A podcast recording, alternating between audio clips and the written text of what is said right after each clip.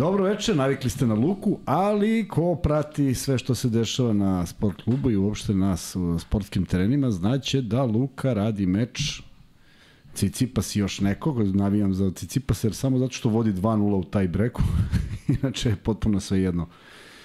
Bar sa ovog stanovišta odakle ja se javljam, ko će pobediti. Tako da, da ne biste vi čekali, jer sigurno će Luki trebati još neko vreme, onda ja u jednom monologu, pa sam izabrao odlomak iz jedne knjige koja će nam se svima dopasti.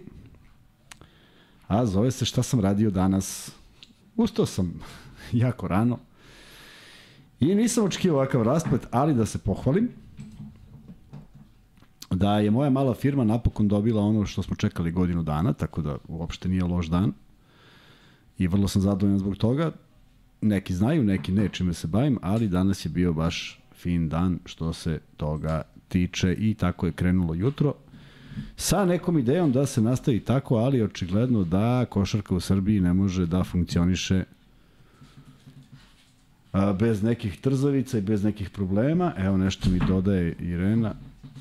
Ovo nešto smo, a, nešto smo dobili. Odlično, posjećao se, posjećao se pohvalim kad dođe Luka. U svakom slučaju, uh, naslov ovog podcasta je bio možda malo, malo smeo, iz prostog razloga što Ja sam stavio znak pitanja, ali sam zaista mislio da će Atina biti srpska.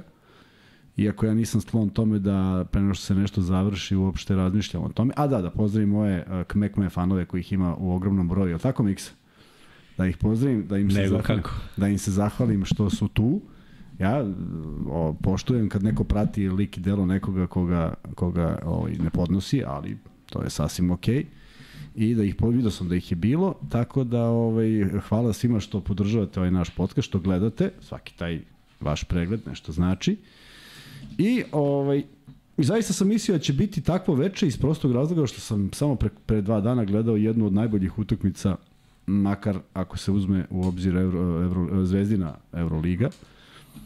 I naravno javili su ljudi koji su rekli da je Monako bio tu negde, vrlo verovatno da jeste, ovo je svežije pa onako ostane u sećanju, u brojevima, u odnosu, u energiji i u svemu nečemu što je na ovoj utakmici koja je usledila trebalo da predstavlja neku jednostavniju priču, nešto što pa ja mislim i najpesimističniji nisu mogli da očekivaju da se danas desi, naročito posle prvog polovremena i naročito posle 25 minuta igre.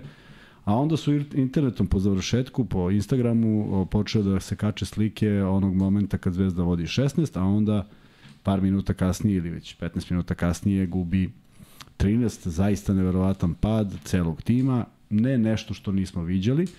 I naravno, u tom periodu od, od mog dolaska iz studija do kuće, to je bilo 4 miliona poruka, a ja stvarno nemam neki odgovor. Da imam odgovor, bio bi neki baja opasan, ovako sam samo baja. I nemam odgovor šta se desilo. E, očekivao sam nekakvu reakciju, očekivao sam nešto što se nije, što se nije desilo, što je izostalo.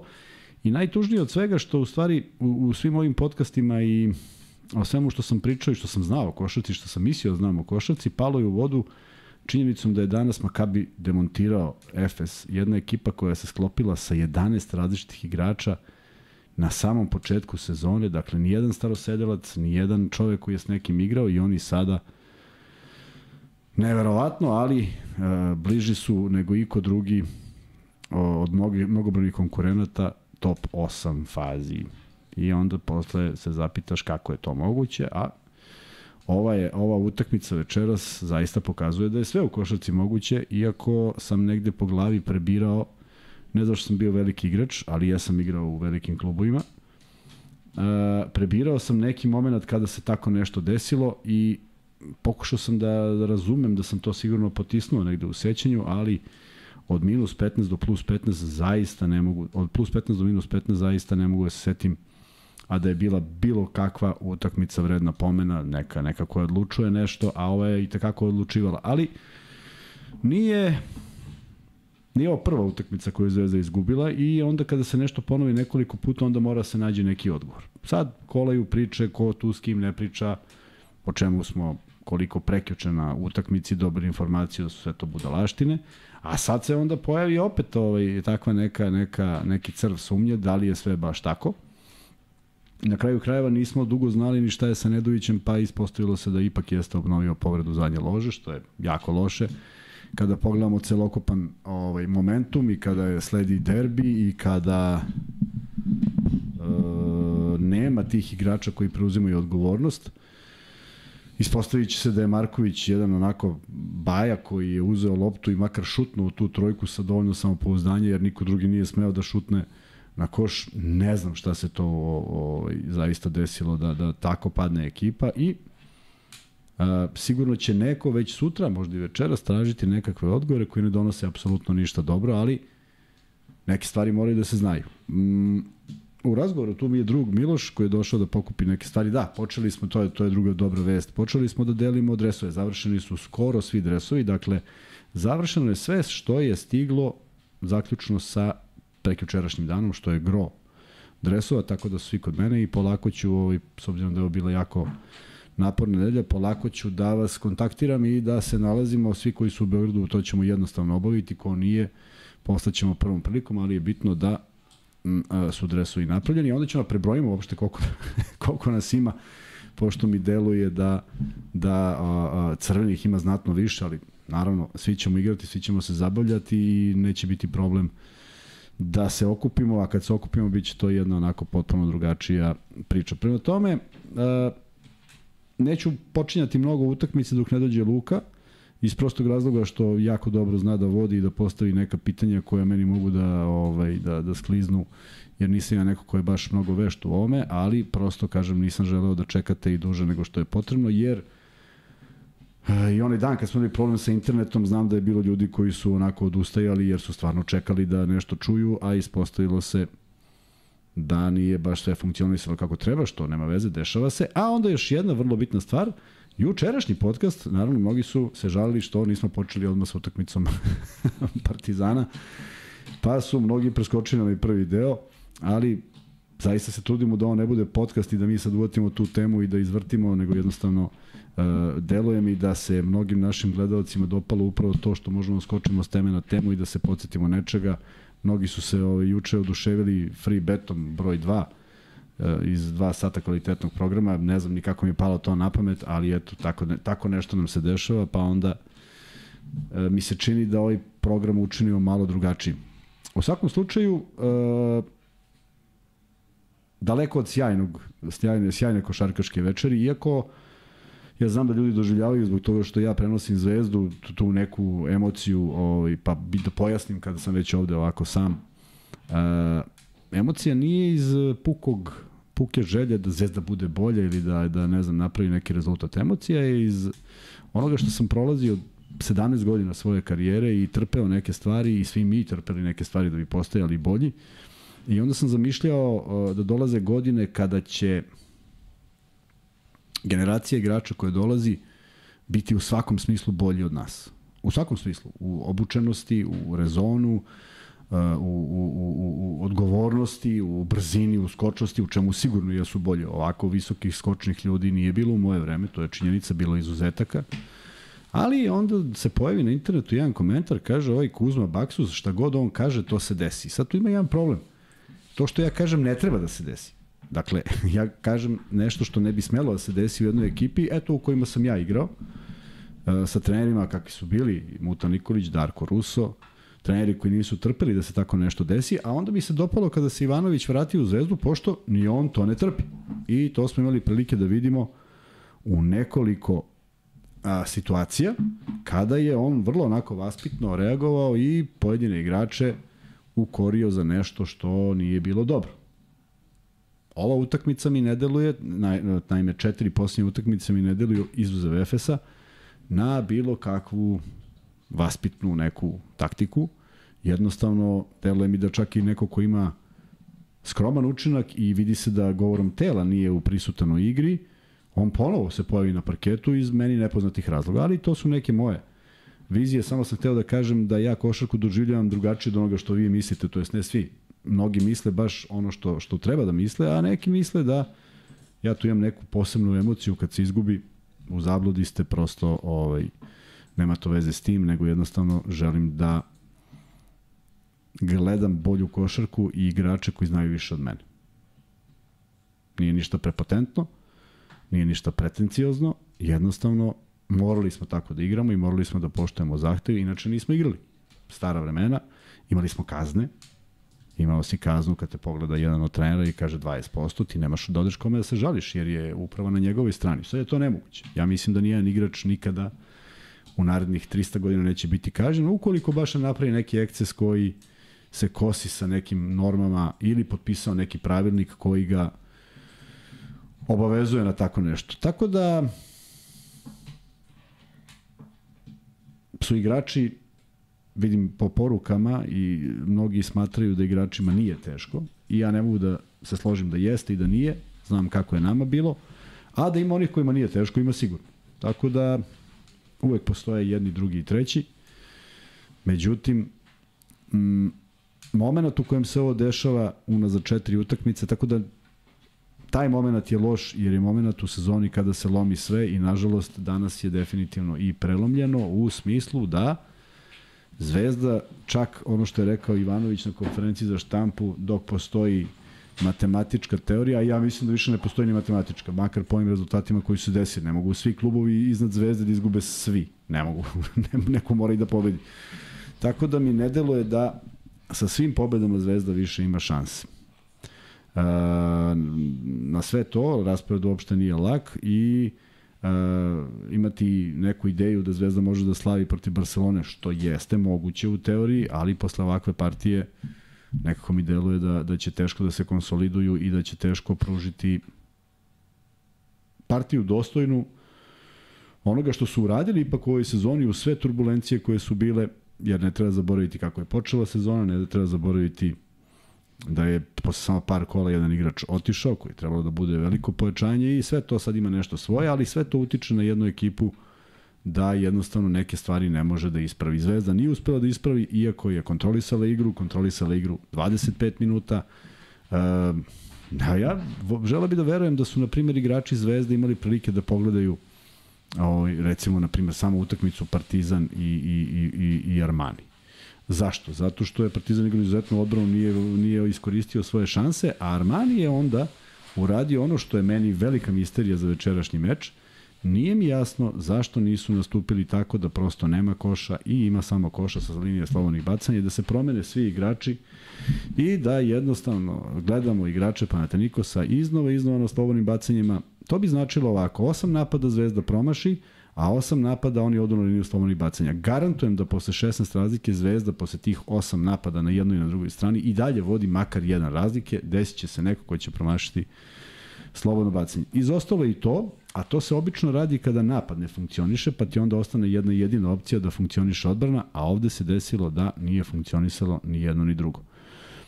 Ne mogu da kažem da je za mene iznenađenje da Tomas šutne trojke onako, ali mogu da, da, mogu da, da prosto ne verujem koliko su daleko ljudi od njega i koliko uh, uh, bojažljivo rotiraju na Papajanisa koji stoji na trojici i ja to prosto ne mogu se otmem utisku da tu nešto nije u redu. Ne, nešto apsolutno da li je brzina košake takva da ne dozvoljava da se da se malo razmisli šta i kako prosto čovjek je šutnuo sve sa polu distancije i promašio i on je bio potpuno van igre kada mu je Vildosa dao one, onaj koš, on je, on, je, on je bio toliko besan, on, on nije znao da li je krenuo da da izjavu ili je krenuo slačionicu ili bilo šta i Zvezda dozvoli da se on vrati u ne samo se vrati u meč, nego i da a, Panathinaikos prilično lako, kada se sve sabere, triumfuje. Gledam rezultat, da vidimo šta kaže. 50 sad ne stoji Cicipas. Možda je završio pa, pa pocrneo, a? Šta kaže Miloš? Gotovo, gotovo. Gotovo. O, znači, stiže Luka, evo, samo što nije. Kažu da je izgubio. Ma šta nas briga šta je uradio, nego samo da li je gotovo. To jest. Tako da pričat ćemo sigurno ovaj, danima posle utakmice zato što, zato što po onoj reakciji ljudi koje, koje sam ja makar uspeo da pročitam i stvarno je bilo mnogo ljudi i nisam mogao svima da odgovorim ovaj, ali vidim ozbiljnu frustraciju iz prostog razloga što su bili više nego zadovoljni sa 25 minuta igre. Naravno, postoji ta bojazan da se prospe, ali ako je i postojala u prošlosti a, bojazan četvrte četvrtine, onda je nekako delovalo da je sve to ispravljeno i sve to zaboravljeno i više ne postoji u sećanjima četvrtinom, četvrtom četvrtinom protiv Efesa. Ja se ne sjećam četvrtine koju je Zvezda pobedila 18 razlike, a pogotovo se ne sjećam da je to uradila nad bilo kojim osvajačem titule, kamoli nad aktuelnim šampionom, sa svim svojim problemima koje oni imaju. Evo da imamo šta kaže Luka. Molim? A, da li te čuju live? Evo čuju te. Ajde. Da. Ljudi, strpite se još desetak minuta, stiže veoma na Branko Most. Znao sam da, znao sam da pričaš i namerno prekinuo, zato što sam vidio posle što si rekao je da gledaš da li si tipas e, završen, završen je, tako da Kuzma, izdrži još desetak minuta u tom monologu, šta da ti kažem, eto me brzo. Ajde, vidimo se. Eto, nadam se da ste imali priliku da čujete Luku. A ja sam nešto potpuno... Šta sam pričao, Miksa? Milo, šta sam rekao zadnje? Ne znaš, i ti gledaš nešto. Potpuno sam zaboravio sad šta sam rekao. Potpuno me dekoncentrisao. A da, govorio sam o činjenici da ja sam spomenuo i naravno taj komentar, volim da ih pročitam zato što me strašno zanima šta ljudi izvuku iz onoga što žele da čuju i jedan od komentara je bio uh, kako ja potpuno onako ovaj, maltene ofrlje pričam gluposti, kako ova ekipa maltene je ista i sa Larkinom i sa Micićem. E, sad, gospodine koji si to napisao, nadam se da si gledao utakmicu sa Larkinom i Micićem večeras i možda si primetio neku razliku u odnosu na ovo u Beogradu, ali to je na tebi da zaključiš, prema tome ja ne mislim da su oni ni bolji ni loši, nego govorimo o snazi jedne ekipe koja je izgledala kudi kamo bolje 30 minuta u Beogradu nego što je to uradila za 40 minuta večerašnje utakmice sa sve pomenutim igračima. Dakle, ne ide to baš tako, neko nekome poremeti igru, neko nekom više odgovara, ali uh, Efes uopšte nije loše izgledao 30 minuta u Beogradu, prosuli su u posljednjoj četvrtini, pre svega zato što je Zvezda diktirala tempo, koji je izgubila u ovoj utakmici i nije ni bil ne nalik, nego prosto kao da gledamo neke dve ekipe e, potpuno bez energije. Mogu da zamislim da da jedan Kampaco ne postigne koš iz ta dva šuta koje je uputio, ali, ali gde je bilo, gde je bila ona energija kojom je samo pre dva dana vodio ekipu? Uh, nije, nije, mi, nije mi nije mi ni približno jasno kako to može da se potroši na taj način da se, da se makar u tom segmentu odbrane uradi nešto bolje.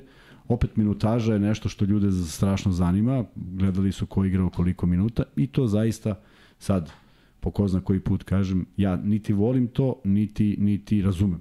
Ne razumem generalno, ne razumem zato što sam uh, imao priliku da sedim sa pokojnim Rankom Đerovicom, Čikaranko uvek sedao na zvezdinim utakmicama, ja nekako sednem iza njega i slušam, jer i tad bilo nekih mudrolija, I u jednom momentu se okrenuo i rekao kakva je, kaže on, je ovo moda postala da, da se menja igrač i da, da, da bi se zamenio nekim drugim, da bi se odmorio. Ja znam da košarka jeste danas mnogo zahtevnija nego u prethodnim ovaj, eh, erama, ali ajde čik vas kad sretnete Praju, nadam se da je da je dobro i da ćete ga negde sresti. Recite mu da nije bilo dobro odbrana u njegovo vreme. Da čujete šta će jedan čovjek reći. Prema tome, to su malo drugačiji doživlje i sigurno da se stvari menjaju, ali ni tada niste mogli nekom da kažete da ne radi ono što je bilo po pravilima, ono što je bilo dozvoljeno, ono što je bilo uh, deo tadašnje košarke, tako da zaista su epohe posebna kategorija i ne treba ih mešati i e, čini mi se da imamo jedan loš stav prema generalno ovde, loš stav prema svim našim igračima koji su od 45. stvarali košarku ovde, zato što smatram da to nije bilo dovoljno kvalitetno. A ja sam naprotiv ubeđen da je to u to vreme bilo izuzetno kvalitetno čak i na evropskom nivou, ali je prosto bilo to nešto što si mogao da gledaš. Pa smo mi izmislili neke igrače koje svet nije video, I to pre svega zahvaljujući tome što se ovde dosta radilo i što je bilo dosta talenata i što smo bili dobri. Da li, smo, da li su to igrači bili dobri za ovu epohu? Sigurno ne, ali vi kad pogledate NBA 90-ih sa vrlo specifičnim izgledima šorceva, pa oni izgledaju smešno, a nisu bili ni malo manje snažni. Samo je drugačija moda bila, pa već izgledaju onako kao, kao, kao da svako ima neki broj manje šorca. Da se vratim na današnje utakmice, pošto čekamo Luku pa ćemo nastaviti o Zvezdinim. E, odigrane su još utakmice koje donose malo nemira Partizanu pre svega. Dakle, Baskonija... A, ma, Miloše Baskonija, koliko je, koji je rezultat bio? Mislim da je bilo 93-102. Za Monako, tako? Da, da. Baskon je izgubila, to je, da, to ide u prilog Partizanu, Baskon je izgubila. Ono što Partizan nije mogo da utiče ni Efes ni Makabi, jednostavno i jedni i drugi su tu negde, tako da neko je u toj utakmici morao da, da pobedi. Ajde se podsjetim da ne, ne, ne pričam iz glave. Ne, ne zbog rezultata, nego samo da se podsjetimo, ovaj, pošto sam bio fokusiran na, na, na, na- jednu utakmicu. Da, uh, Efes koji je potpuno demontiran od strane mm, uh, uh, Makabija, to je možda i veće iznenađenje od svega ovoga što smo gledali do sada, ali prosto takva je situacija, prema tome Partizan dolazi u vrlo nezgodnom momentu Efesu na, na, na Megdan, zato što je sad to utakmica i za jedne i za druge biti ili ne biti. E, Fenerbahče je pobedio Barcelonu, čime se polako učvršćuje na nekom željenom mestu i sad počinje ta neka borba za top 4, koliko god je mi smatrali nevažnom, mislim da to jeste u stvari podjednako važno kao i ta borba za osmo mesto, zato što je to nešto što određuje prednost domaćeg terena i mislim da će biti svaka pobeda važna kako se stvari odvijaju trenutno, jer ovaj poraz Barcelone to znači da ona mora da pobeđuje do kraja, ne bi li se popela i možda izbegla sad neke vrlo neugodne protivnike na osmom mestu, E, to će već biti neka matematika koju ćemo morati da gledamo. Da, Baskonija Monako, 102-93. Dakle, završeno je 27. kola, tako? 28. 28.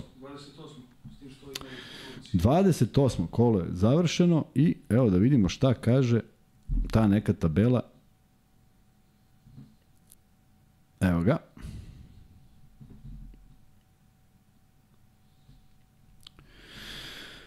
Olimpijakos 19 pobjeda, Barcelona ostala na 18, Monako ostao na 18, Fener sad došao na 15 i napravio razliku od dve pobede u odnosu na Baskoniju, u odnosu na Partizan i u odnosu na Makabi i u odnosu na Žalgiri. Sad je Žalgiris taj koji je ispod crte.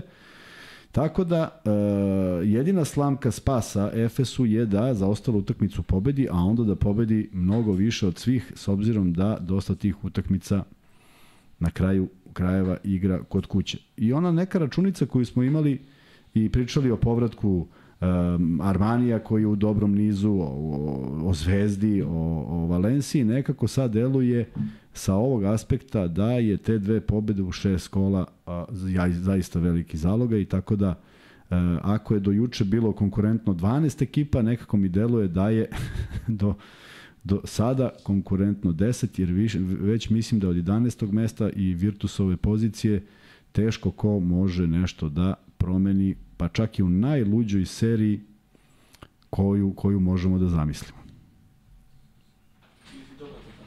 Da, stigla je, da, hvala ti, to je ta tabela, tako da, ovaj, eto, e, tražili, želeli smo da želeli smo da ovaj bude interesantna Euroliga, ona jeste interesantna, ali jedan srpski klub više nije interesantan ostalo, ostalom delu Evrolige, zato što je ovim, ovim porazom i sa sve ovom pobedom bi se Zvezda sećala tih utakmica protiv e, Bajerna i protiv Albe, a boga mi kreće negde od Žalgirisa. To je neki, neki početak tog lošeg momentuma u kojem se Zvezda nalazi i sad to više nije momentum, to bi trebalo da bude nešto kratko, a ovo je baš baš i ne toliko kratko. I evo ga, stigo je Luka, on se, pri- ne znam zašto sapućaš, kao sad se praviš da nisi tu, ili, ili ćemo možda da te ubacimo nek... Kaže Miksa da prođem tamo. Što? Što? Tamo, kaže da.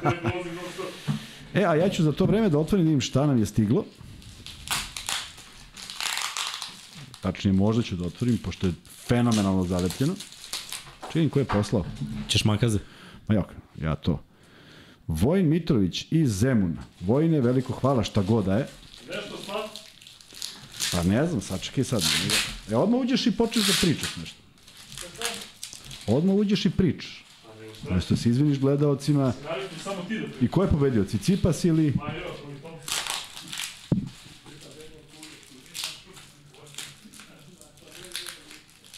A, oj, Ja sam ti nudio makaze. Miksa, ti znaš da ja to ne bi sad pristao. Ni za živu glavu. Jer hoću da dokažem da može i ovako. Polako ide, ali baš polako.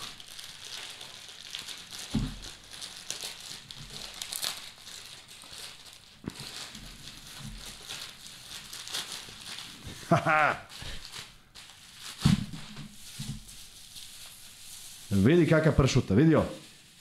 Lele. A?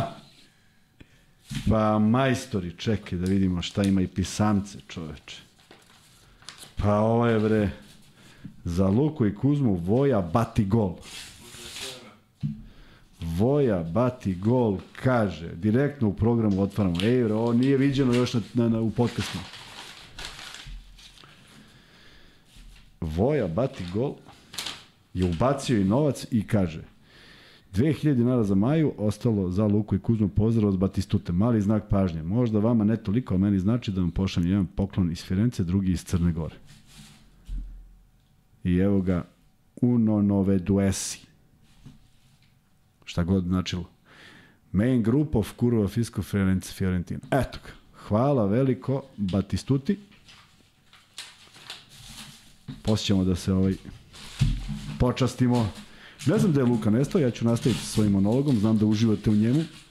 E, Ne pitam ni koliko ima u live-u, možda i nema nikoga.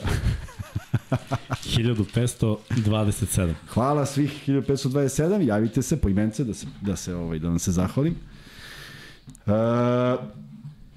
to je to, čekam Luku da bih nastavio nešto, ono što ovaj e, što što morate da znate za sledeći podcast će biti tek u ponedeljak. Ne, nemamo sutra i preko sutra, nećete verovati. Luka me isto pogledao značajno. Čekao je šta ide posle tek. I evo ga polako, ali sigurno seda, zauzima svoje mesto, spreman.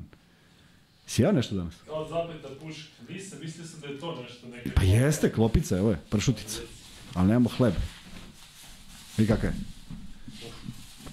Kaže, a, dodatno kaže, znam da Luka ne voli pršutu.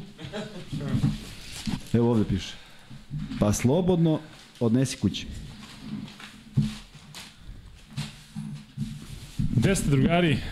Dobrodošli. 2300 u live Sada, 800 je skočilo. Wow. E, vidiš da sam obukao u jaknu koju sam došao, e, da malo promovišemo i Jašu. Ja sam u kadru, jesam, a? Ova jakna ne propušta ništa, dakle mogu da vas gađaju štanglama, kiša, sneg, si? ništa. Da, da, štangle se na sve strane. Žao mi što kasnim, ali nije mi žao što imam uh, Kuzmu, nekog uvek može čovjek da se osloni, ja ću da počnem onako malo prilično široko, taman da Kuzma malo odmori i da popije ultru i vodu. Ne treba ništa donar.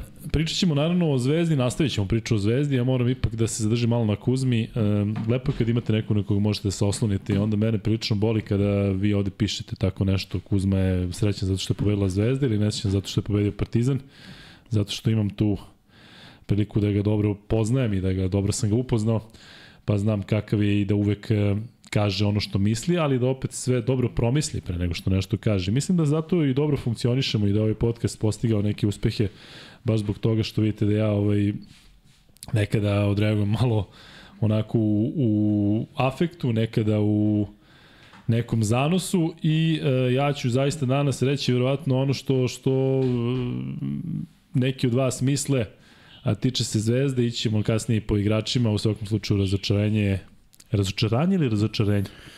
Razočaranje. Da, jeste. Ove, pro, proveram te sam. Ove, zato što ne može da bude očarenje.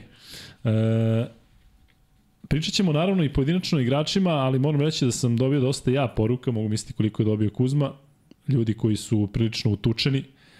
Kad je meni teško palo, e, mogu misliti kako je onim zvezdašima potpuno, va, po, a pogotovo vatrnim zvezdašima. E, sve u svemu, e, mislim da da imamo o čemu da pričamo večeras, iako je jedan noću, tačno jedan noću, iako ćemo drugi deo posvetiti najavi derbija, koji je u ponedeljak. E, još uvijek ne znamo tehnički da li ćemo moći ovde da komentarišemo derbi, da li će uopšte biti TV, da li će moći da se uhvati Arena Mix, ali to, je li moguće ovde da, da, se, da se gleda konkurentska televizija koja prenosi ovaj derbi? Ako ima stream, da. Ako ima stream, a? Ali nam treba, šta nam treba? Mislim, u suštini možemo gledamo na telefonu, imamo onaj... U suštini laptop i HDMI kabel. e, na ovo što sve imamo, je li tako? To, to. HDMI, pa se rokne na TV i to se gleda Da. da. ispred. Da. E, Lukina kamera je van fokus. Da? Sad ćemo da namestimo. Da Što baš i dobro. Meni A? deluje okej. Bio si malo van. No, Kuzma mi je bio model za tebe. Neka, neka, dobro je. Važno da, da, da se čuje a ne da se vidi. Ništa, kažem još jednom, žao mi je zato što sam kasnio zbog tenisa, jednostavno ponekad se tako preklapaju stvari. E, eto, jedan od free betova može da bude povezan sa tim. Gde sam bio? Ko se seća, ko se seća da je jedna slična situacija, ali dobro.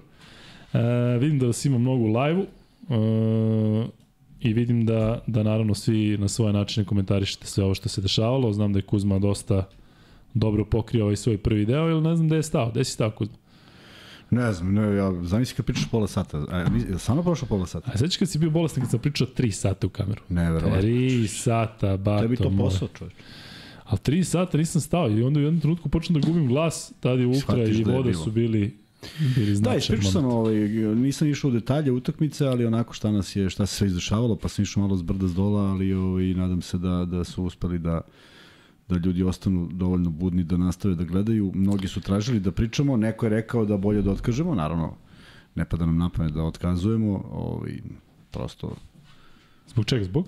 Pa kao zbog čitavog čitavog mm, osjećanja tuge i utučenosti, Ne, utučenosti navijača, ali prosto uh, i to je vrlo bitna stvar. Biti sportista znači da podneseš neke take stvari. Svi smo imali uspone i padove.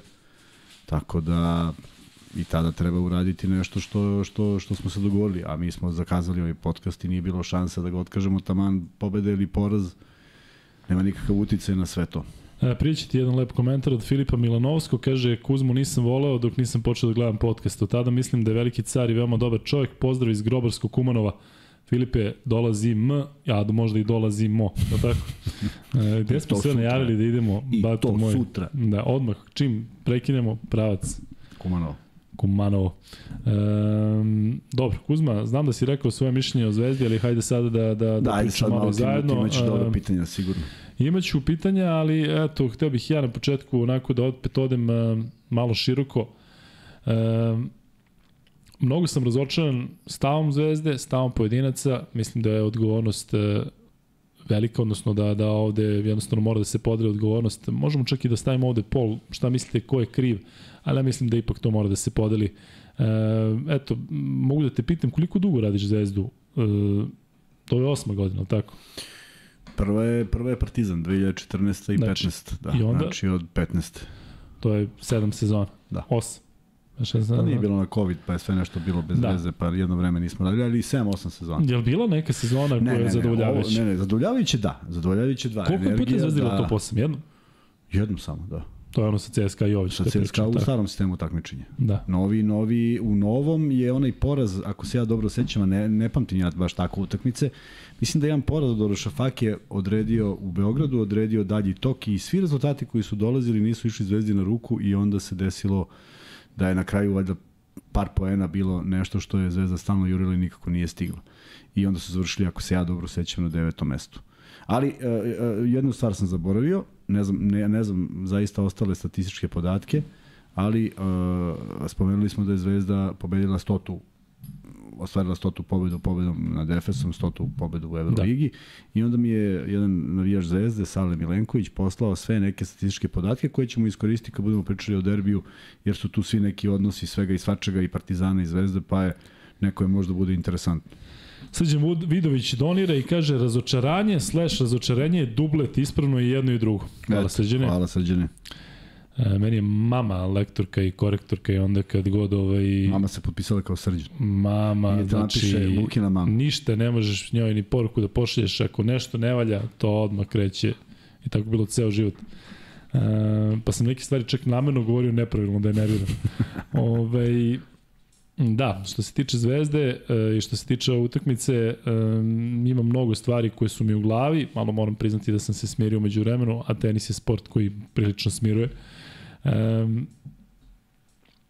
Jedna stvar koju hoću da kažem, to je da sam razočaran nekim izjavama posle meča, zato što sam očekivao nešto konkretnije.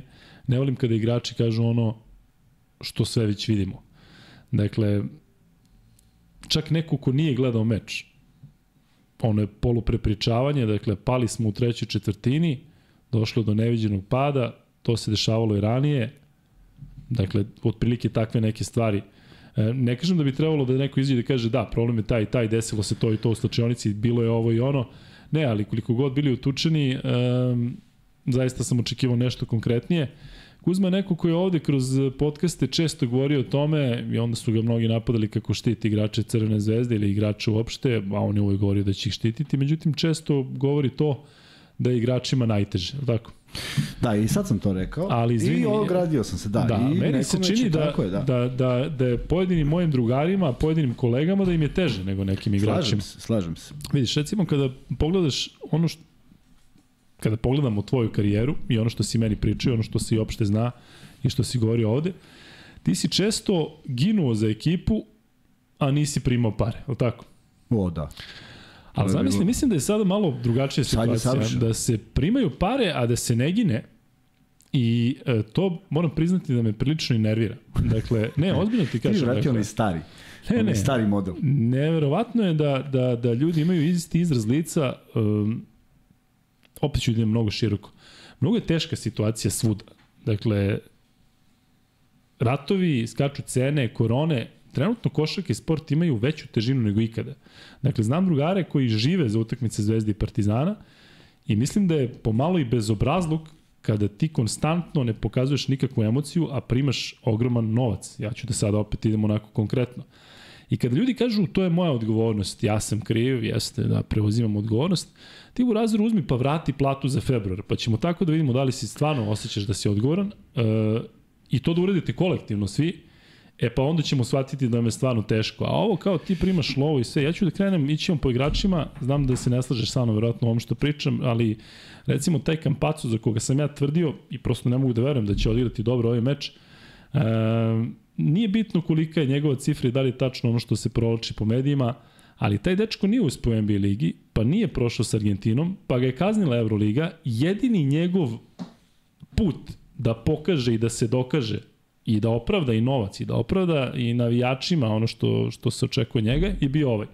Dajem samo jedan primer zato što je onda kažem zicer na njega može da kreneš i pri, pri, prilično onako je popularno sada napadati igrače zato što su ljudi još ovaj još nervozni, ali generalno mi se ne dopada to što što što ima mnogo onih za koje mislim da ne zaslužuju da nose dres Crvene zvezde, zato što ipak smo mi u specifičnim uslovima, dakle, vratit ću se sada, opet idem s teme na temu, ali imate tog Jamo Renta. Jamo Rent je košarkaš koji je, znamo svi, mahao pištoljem u Instagram live-u, što je naravno bio glavni razlog zašto je suspendovan i šta je bilo. Ali tu ima jedna druga stvar o kojoj niko ne priča, a to je recimo nešto o čemu ovi silni analitičari u NBA ligi ne govore. Taj Ja Morant izašao u striptease klub sa tim gangsterima, sa tim devojkama, sa tim pištoljima i smejao se, sprdao se, veselio se posle poraza, nekoliko sati posle poraza od Denvera u derbiju zapada, u utakmici između prve i druge ekipe, što je meni neverovatno, samo je takva NBA liga i to moramo da prihvatimo. Dakle, kod njih jednostavno to je nadoknadivo, igra se više show, dakle nema takve emocije. Kosta Perović je pričao o tome kako je ušao Nelson u slačionicu i on je mislio sad će da nas bije, on čovjek rekao kad se kad je završen playoff, momci svaka čast, srećno, uživajte ovog leta, nasmejani, pozdravili se, on kaže nije mogu da veruje, navikao na, na ovde drugačije uslove. Ali u Srbiji ipak drugačija situacija. Mi ovde često volimo da kažemo kako imamo Partizan i Zvezdu koji imaju najbolje navijače na svetu. Ja tvrdim da su ovo najbolji košarkaški navijači na svetu. I jedni i drugi, da ne pravim razliku. S tim što Zvezdinih recimo ima više, kao što ima Zvezdinih verovatno pratilaca više ovde što se tiče podcasta. To nosi ogromnu odgovornost svih onih koji koji su učestvovali u ovome što se dešava. I ne govorim samo o utakmici u Panatinikosu, danas ljudi govori o Bayernu i Albi, i o milion propuštenih šansi i o promenama i o pojačanjima i o svemu, ali mislim da je konkretno uh, ovo veliki udarac zato što sam ja sam rekao hiljadu puta ovde u podcastu da je ovo istorijska sezona, da igraju Zvezda i Partizan i da ono što ja ne bih želeo da za jednu ekipu teoretski bude završena priča mnogo ranije, da budu ono mečevi kao sad se igra opušteno, nema veze ili sve. Zvezda još teoretski nije eliminisana, ali svi znamo da će Zvezdi biti toliko težak put da je možda čak i e, nije ukusno pričati o tome. Dakle, ovo što se desilo protiv Panatinikusa, za koji tvrdim da je Kanta ekipa i dalje, i da nisu oni odigli ovaj meč zato što su pokidali kao, brate, kakav tim, vidi šta su radili. Za ovo je isključivo kriva Crvena zvezda koja ih je vratila u igru.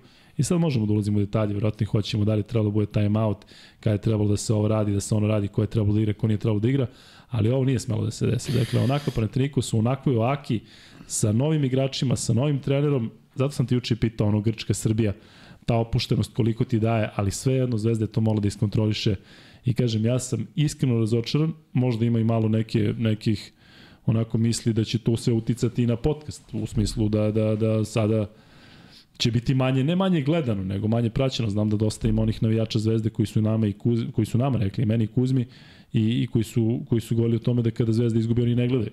A, jednostavno to je ono što što je možda Jokić rekao i što je u pravu, pa su ga svi, svi su krenuli na njega kao mi volimo košarku, ali mnogo više volimo da pobeđujemo. I mislim da je u pravu.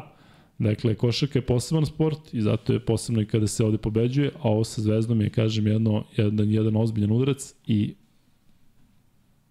da ne idem, da širiću priču još više, ali nema ovde da se upire više prstom. Često se, sad uopšte ne govorimo o zvezdi, ali često se iz, iz suprotnog tabora upire prstom, da, oni su krivi, oni su nazeznuli ovo. Ne, ovde mora da se pogleda, pogleda u ogledalo i da se vidi šta i kako. Ja sam recimo za većinu stvari u, u svom životu snosio ozbiljne posledice kada sam nešto odradio ispod očekivanja ili napravio neke greške i privatno i poslovno i ne vidim zašto bi recimo bilo drugačije u profesionalnom sportu i što se tiče Crvene zvezde. Sad ti nastavi, ja da skinemo u jaknu, pošto ću se skinuti. Pošto da, ne znam šta ti je bilo s tom jaknom. Ne, ne znam, teo sam nekako da, vidim, da govorim značajne stvari, pa sam hteo nekako da, da i jakna. Vidi ovako, ima, ima, ima, ima sad ovo što si spomenuo, pa ajde malo da odemo, da se vratimo u prošlost. Uh,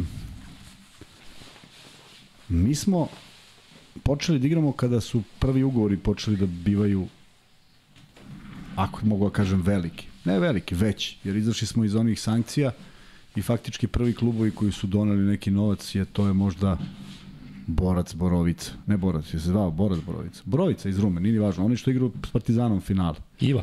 Pa ajde, zove ga kako hoće. Pa je bila Iva Šabac, pa je bio Borac, pa svakako nije bitno. Da, Ekipa koja, je, koja, je, koja je igrala, da, koja je igrala protiv Partizana. I onda se pojavljuju to, tako neki klubovi. Stidljivo je to, ja prelazim u Beočin, Partizan već tada jeste klub, Zvezda, Zvezda e, e, dvostruki osvajač do tog momenta titule u 90. godinama i uh,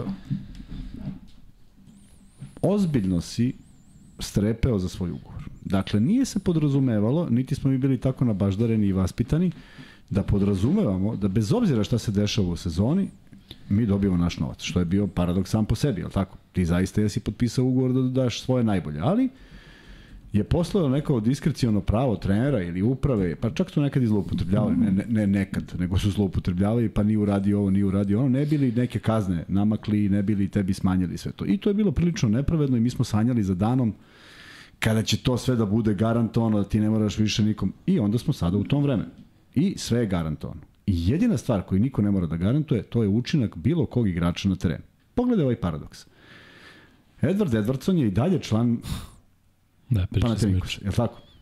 Znaš koliko njega zanima da ide negde? Nikoliko. Jer je očigledno potpisao ugovor koji ga... Štiti. Tako. U, ja ne znam igrača iz svog perioda koji bi dobio otkaz negde ili ponudu otkaz i rekao, ma idem bre, samo bre, hoću da igram.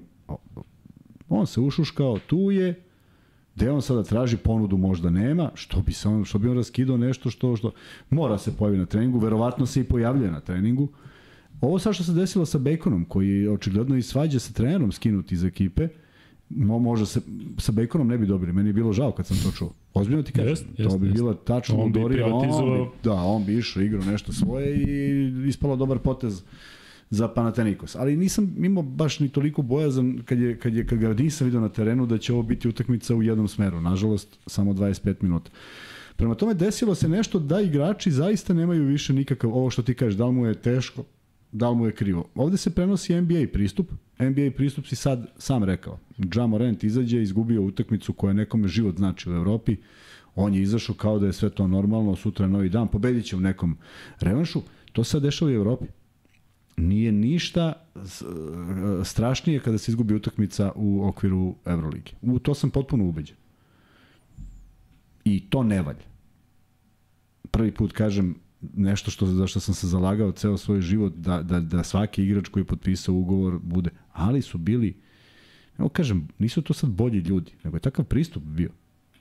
Svako od nas je želeo da dobije svoj novac, ali svako od nas je želeo da uradi sve što može.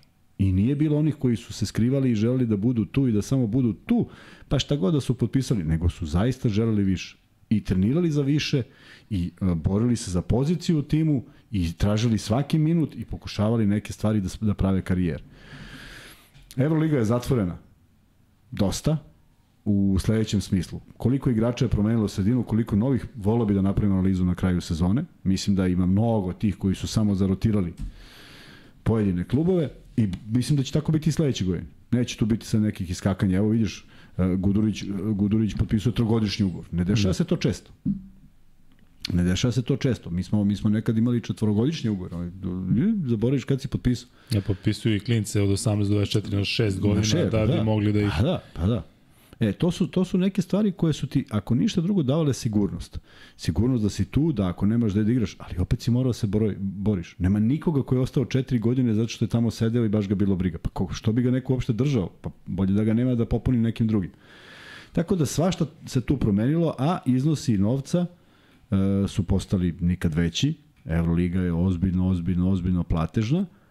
Da bi se onda, da bi onda postao jedna, jedan ogroman jaz kao i uopšte u društvu imate ekstremno bogate i imate ljude koji više ne postoje u onoj srednjoj klasi e tako ne postoji ni srednja klasa igrača više jer jednostavno ili igraš Euroligu ili se zadovoljavaš nekim ugovorima koji su više kao mesečna plata u velikoj većini slučajeva i zaista mi je žao što veliki broj igrača sa ovog podneblja će završiti svoje karijere tako što će eventualno uštedjeti eventualno za nešto ako imaju malo sreće i ako smanje ishranu onda će sigurno ovaj, uštediti i više i e, ispostavit će se da su 15 godina igrali za nešto što je nekada bilo mnogo, mnogo jednostavnije, a nemaju alternativu jer je ogroman stepenik da iz tih svojih liga pređu u neki nivo više, jer tog nivoa više nema. Taj nivo više je samo Euroliga i taj broj klubova i vidimo i klubove koji e, gravitiraju ka Euroligi da ih je sve manje. I ja mislim da, da kada bi se ovde podvukla crta, kada bi danas neko rekao i rekao ovako, nema veze, nema, nema konsekvenci. Kogod napusti Euroligu, ja sam ubeđen da bi se Panathinaikos javio istraču iz Euroligije, inače još jedan manje, a bojim se da ne bi baš bilo mnogo onih koji bi želeli da, želeli da utrče. E, da, Kuzma, nećemo još na igrače, hoću da pričamo o Zvezdi konkretno. Ljudi ovde pitaju ko je odgovoran, kako je odgovoran. Mislim da je, da je, da je ipak sveže da bi sada odmah rekli odgovorni je taj, nije odgovoran taj i ostalo. Ne može, ne, ali, ne možemo sad, sad, sad nešto mora Ali morat ćemo u nekom da, trenutku da, da, da, da ovde pa ne. jednostavno kažemo neke stvari konkretno. Dakle, ja mislim da neki igrači Crne zvezde ne zaslužuju da nose taj dres. Uh, Ali samo nemoj da ih imenuješ, što ću ti reći zbog čega? Da što ulazimo u raspravu, pa onda će ljudi da pišu je, više ovaj, ovaj manje i tako dalje. Onda ćemo gradaciju ko ispostavit će se da niko ništa i ne zaslužuje. Nije to baš tako. Uh, zato što zato što smo gledali utakmicu pre dva dana, pre samo dva dana, utakmicu koja je bila jedna od najboljih. I rekao sam gledalcima da sam napravio naslov koji govori da, ja ti znaš da imam naslov, nikad ne dam defi, definitivno šta mislim, a ovde mi je delovalo da je nemoguće prosto da se bilo šta desi, pa sam stavio srpska latina. Uh, odgovornost kada se ovako nešto desi ide samo ka jednom čoveku. Ko čoveku koji to kontroliše. I mora da bude. Kakva god da je. Šta god da on sad izgovori, možda i, možda i kaže nešto smisleno. Trener. Da Kad, možda on kaže nešto najsmislenije, mi kažemo, pju, nismo tako razmišljali, dobro, ok, ima, ima smisla, ako ima smisla. Ali, e, gledati sad koji je igrač ovako, onako, mislim da se nećemo složiti. Zato što, eto, ja, ja sam samo shvatio da Lazića nema četiri utakmice. I to je pet utakmica i Zvezda ima četiri poraza. I ne moram više ništa ne dokazujem jer svi idu na varijantu da ja njega nešto tu sad štitim. Ja ću to misliti i za Lazića, i za Cimbaljevića, i za Boga Oca s kojima sam igrao i koje vidim kao vrlo bitne šrafove u svojim ekipama. Mnogima bi Lazić bio verovatno prvi, Lazarević drugi i tako dalje, nekome danas Petrušev, nekome definitivno Bentil i tako dalje. Nemoj da da trošimo bez veze na to, ali prosto mora da postoji odgovor zašto je pad u igri. E, Duško Ivanović je izjavio da je e, nedopustivo ovako da se igra, tako? Stali smo da igramo. Pa, okej, okay, to, to, To ti kažem, sve znamo. Ne, to- to Nismo igrali prođe. košarku u drugom to poluvremenu. prođe, da, to prođe neki navijač i pitaju šta je bilo, kaže, pa mi smo igrali u drugom poluvremenu. Ali ti si bio u pravu, te, te izjave onda nemaju smisla. Nemaju smisla. Znači, nemaju smisla. Ako izađeš i kažeš, mi smo ne, pa mi nismo igrali. da- Pa dobro, čekaj, znamo da I nismo. ne očekujem da on kaže, taj je sada, Tako, evo, tako, oda ali prst. negde nešto, ali, e, ali mora da se vidi neka reakcija. Jer gledaj, e, mene, mene je neko poslao, neko je poslao ovaj, poruku e, kako bi ja skratio rotaciju. Sad ne znam koje to veze ima, ali ajde neko moje mišljenje. Ja, na primjer, ne bi imao Ivanovića, jer mi nije igrao dugo, ne bi imao Bentila, ne bi imao Martina. Ne bi zaista imao. Bez obzira što su to dva igrača koje su došla kao ekstra pojačanje, je tako? Zato što nemam poverenja. Prosto u to što treba da urade, ja nemam poverenja. Ne zato što ih volim, ne volim, ne zato što bilo šta, nego jednostavno izabereš igrače s kojima ako treba da se strada, da se strada. I to se i danas nije desilo. Jer ja, Vlada Kuzmanović, bi izveo pet, izabrao bi ovako, imaš ovako nekoliko, pričao sam Miloš, ima nekoliko mogućnosti. Možda biraš malu, nisku petorku, možda biraš visoku petorku, možda da biraš najbolj, pe- petorku u najboljoj formi i možeš da biraš nešto što, su, što je gro trenera biralo u svojim karijerama, a znaš šta je to? Najskuplja petorka. I kažeš, gospodo, Ajde vi sad. ste ovde, je li tako? Izvolite. I onda, nema, na primjer, pitanja što je ovo igrao, što nije ovo igrao. Nego kažeš, igrali smo sa najboljim igračima koje imamo, jer ako je to neko merilo vrednosti, novac, a očigledno jeste, i evo, to su jel pojačanja. znaju treneri tačno koliki su ugovori? Jel znaju igrači koliko ko prima? Nemam pojma. Pa Ne. kako onda da zna koja je najskuplja petorka, koju da stavi? Zato Pa mo, pitam. ne, trener mora da zna. Prosto ne može da ne zna, ne mora da zna u cent, ali mora da zna, mislim, šta primaju igrači. Da. prosto informacija neka. Druga stvar, ne moraš baš da objašnjavaš. Bentil došao iz Evrolige, Martin došao iz Evrolige. To je u odnosu na ono što imaš u momentu kad oni dolaze, je pojačanje. Zašto? Jer su igrali u Evroligi. Kraj. Eto, to su pojačanja. I ti staviš pet i kažeš, braćo, izvolite, evo ga, cepajte. Koliko? Pa, evo ima još 10 minuta, okrenite ovu utakmicu, igrajte 2, ziper, 5, 12, prozoveš 72 akcije. Igrajte šta god, koji god izaberete, samo pobedite utakmicu. Um, ja stvarno mislim da u ovoj situaciji treba da budemo uh, Solidarni. solidarni, ali da treba da budemo i zajedno. Da treba ovo da nas bliži, ne da nas, da nas je, e, Tako je. rastavlja k- kao na navijače Zvezdi i Partizana, ali daću primer, stvarno nemam nameru da sada na bilo koji način ističem jedne ili druge, ali ću reći da je recimo Željko Bradović, pomenut ću ga dva puta u ovom periodu, on je e, rekao pred početak sezone, e, mislim da je to bilo u nekom dokumentarnom filmu u vezi Partizana i onda je on rekao, pogled, grub je pokazao i rekao, ako ne osjećaš ovo, onda to može da bude veliki problem. I opet se vraćam na to da mislim da neki igrači Crvene zvezde to ne osjećaju. Kasnije ćemo da pričamo, pošto im da ovde insistirate da govorimo o imenima, kada budemo pričali o igračima, pominjat ćemo ih, pričat ćemo kako je ko igrao, e, konkretno u ovoj utakmici, ali Kuzma, u ovom timu Zvezde Da li ima pobednika? Evo tako da te pitam. Evo sada, sada, sada ću da govorim konkretno. Vildosa je došao kao neko ko nije uspeo u NBA ligi. Kampaco je došao kao neko ko nije uspeo u NBA ligi. Imamo igrače Crvene zvezde koji su tu dugo i koji imaju trofeje samo na lokalu. Imamo takođe e, strance, Martin, Bentil, Holland, koji nisu usvajali nešto. Ja moje ući ću na njihovu Wikipediju, možda moje osvojio nešto u Portoriku. Uđi obavez. Da, ali ne, pazi, da li je sada Bentil, ko svoje kup Skrati Italije se. slobodno u pravu si, zato Ali što... vidi, ali ljudi kao Željko, Željko je uzeo devet titula u Euroligi. Kada uzmemo Kalinića koji je brio prošle sezone, kod njega se videlo da on ima u sebi to pobedničko u smislu brate, tu sam, znači ginem, znam, delo, delovalo mi je da zna put do pobede. Ti imaš Nedovića, koja ja mislim da je svoj Evrokup, ali na ovom nivou je nekoliko godina igra u Panetnikusu koji je navikao na poraze. Da. Da li je bilo realno da se očekuje da u skup, skupu tih igrača, gde mnogi od njih pojedinačno žele i lično da se dokažu. Ja sam siguran da je Kampaco i Vildosa, nakon što nisu uspeli tamo, sada u svom prvom angažmanu posle NBA lige, žele nešto da pokažu na ličnom, ličnom planu. Ja bih volio da, da je Vildosa došao i da rekao daj sad ja da, da podignem ovu crnu zvezdu. Ali bojim se, dajem Vildosu sad kao primjer, ali bojim se da je više ima ono, e čekaj, tamo nisam ovo, pa daj svom agentu, pa i kod kuće da pokažem da ja i dalje sam na nekom visokom nivou. Ima, ima sigurno, ali vidi, ima i tu nekih motiva koji su potpuno, sećaš da se da su pisali neko tu nekom nešto duguje, neko mora da isplati neka čuda. Da, jeste, ne znam, ne znam o čemu se radi. Naravno da je to bio izazov da se otvorilo nešto gde je njemu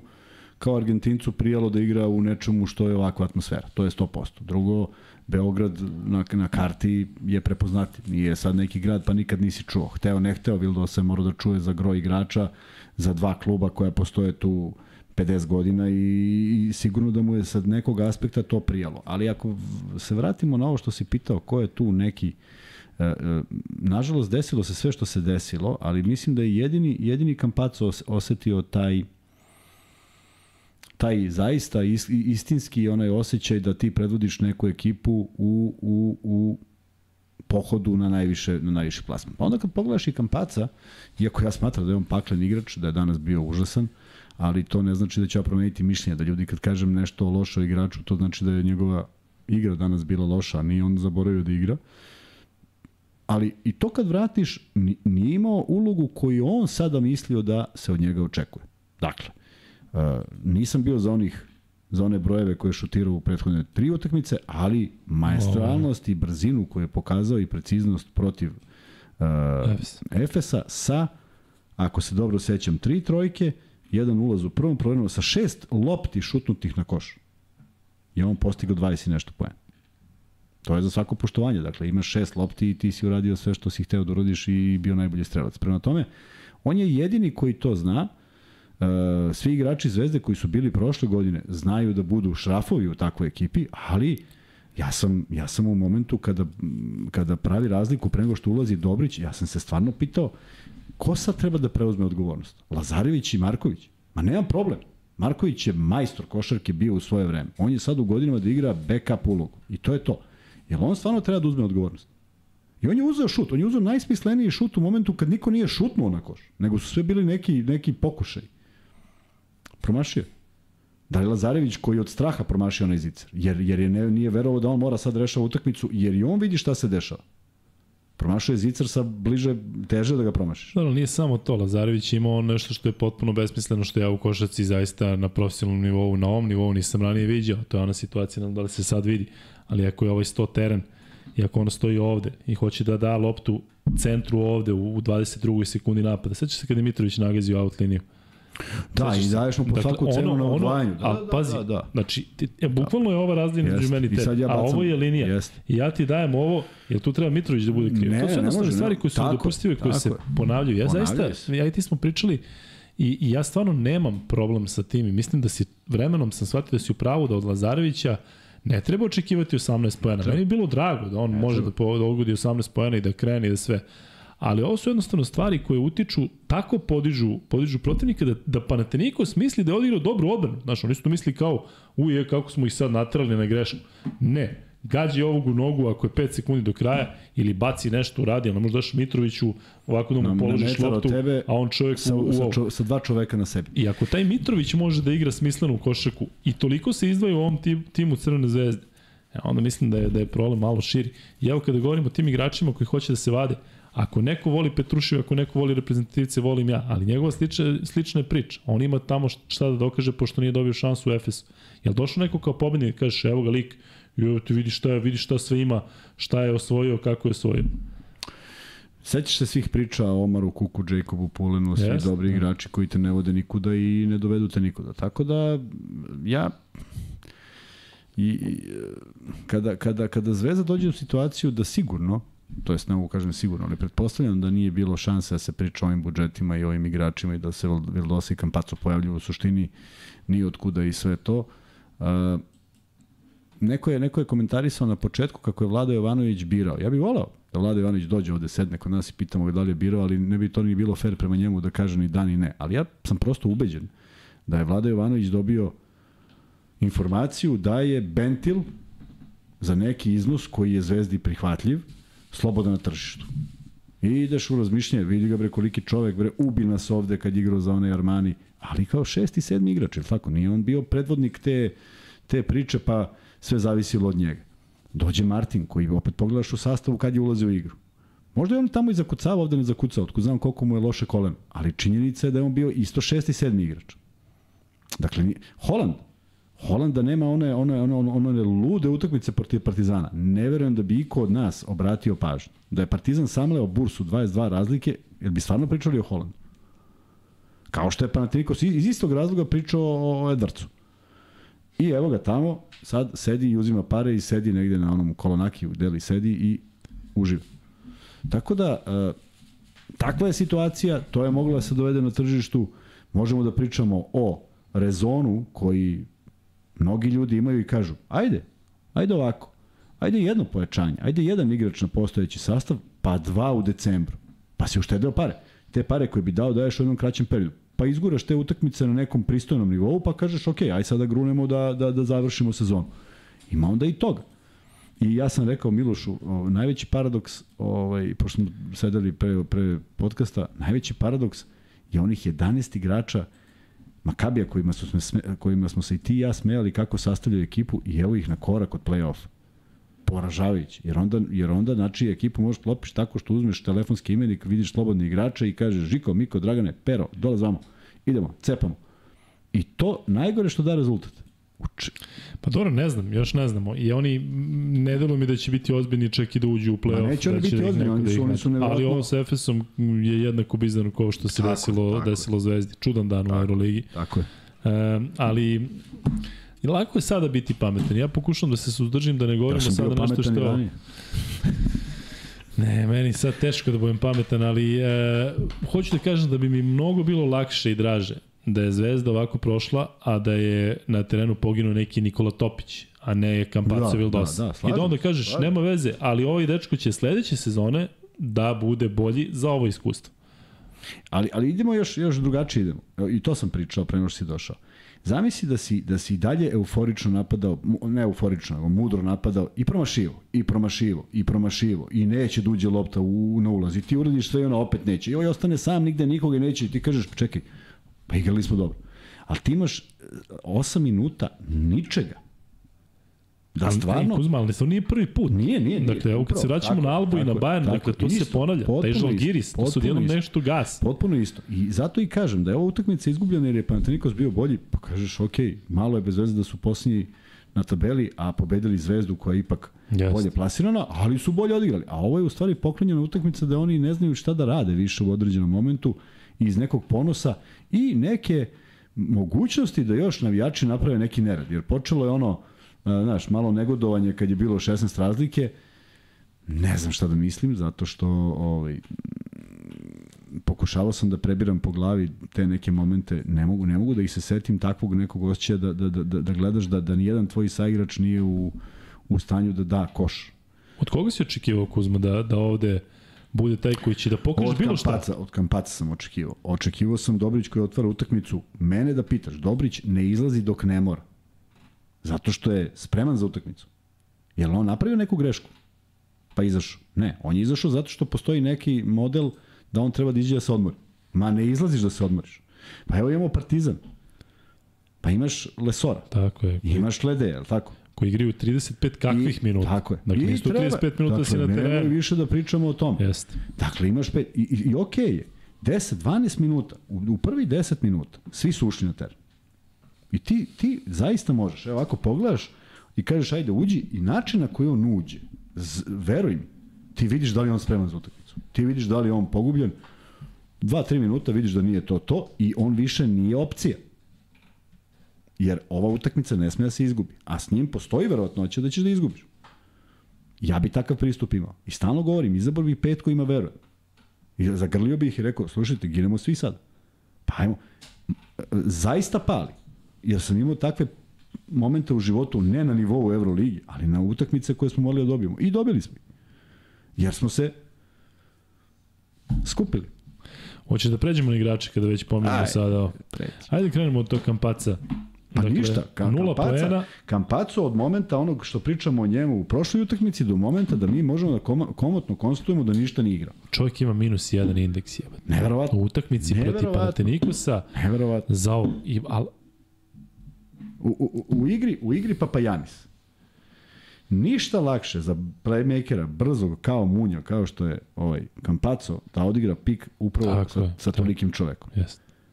Pa čekaj, oni su tri ili četiri Eli upa dali. Pa gde je tu Eli? Ne mora Eli up, ne mora Kuzmić skoči metar. A gde, gde je revanširanje za to? Gde je neka mudra igra? Gde je neki pas više? Gde je neko sam na šutu?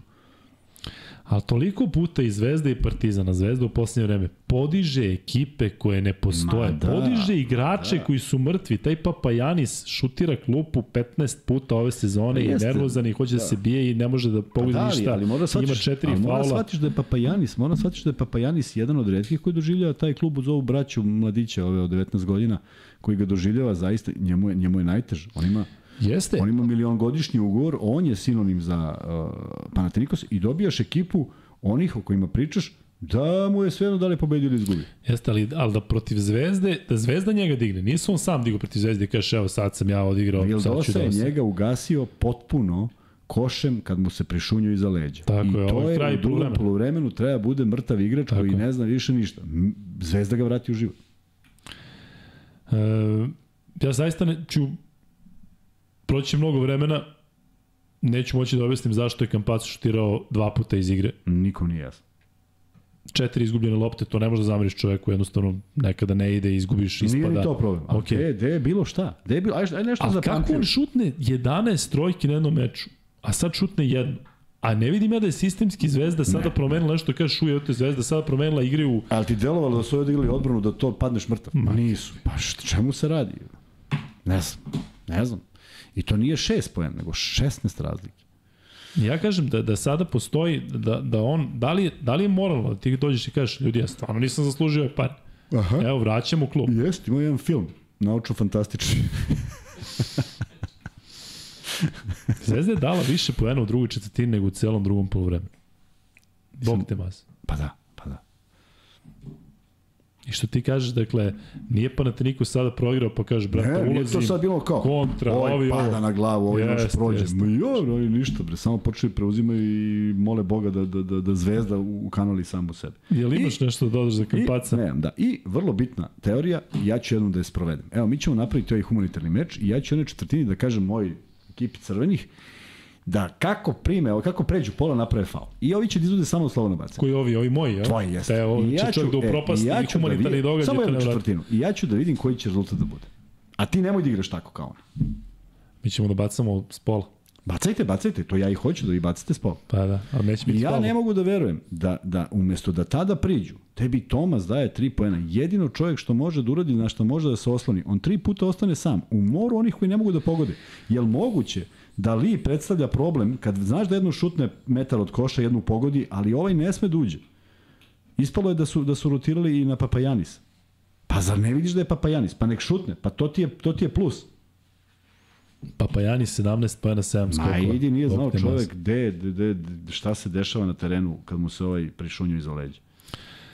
E, Vildosa, 7 poena, 2 skoka, 4 asistencije. Ništa, ti to kad pročitaš to izvuči kao nešto.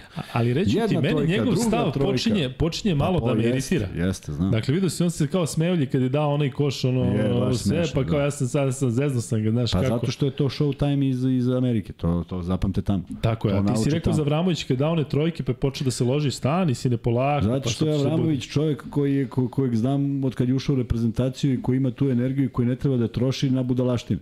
To su budalaštine. Pa da, pa on sad Pa nešto... ovo je budalaština jer, je- jer, jer igra u ligi u kojoj je to dozvoljeno. Oni vole svi da skakuću pored terena i da se kek... Da, ne, mora, ne moguće da je on prešao na taj mod Je, Amerike, a je, tamo igrao sigurno. toliko malo. Nema veze, on Dakle, on gleda je u. Baskoni, e, čini mi se delovao Je drugačije. li u Baskoni dao tako pa skakutu? Nije.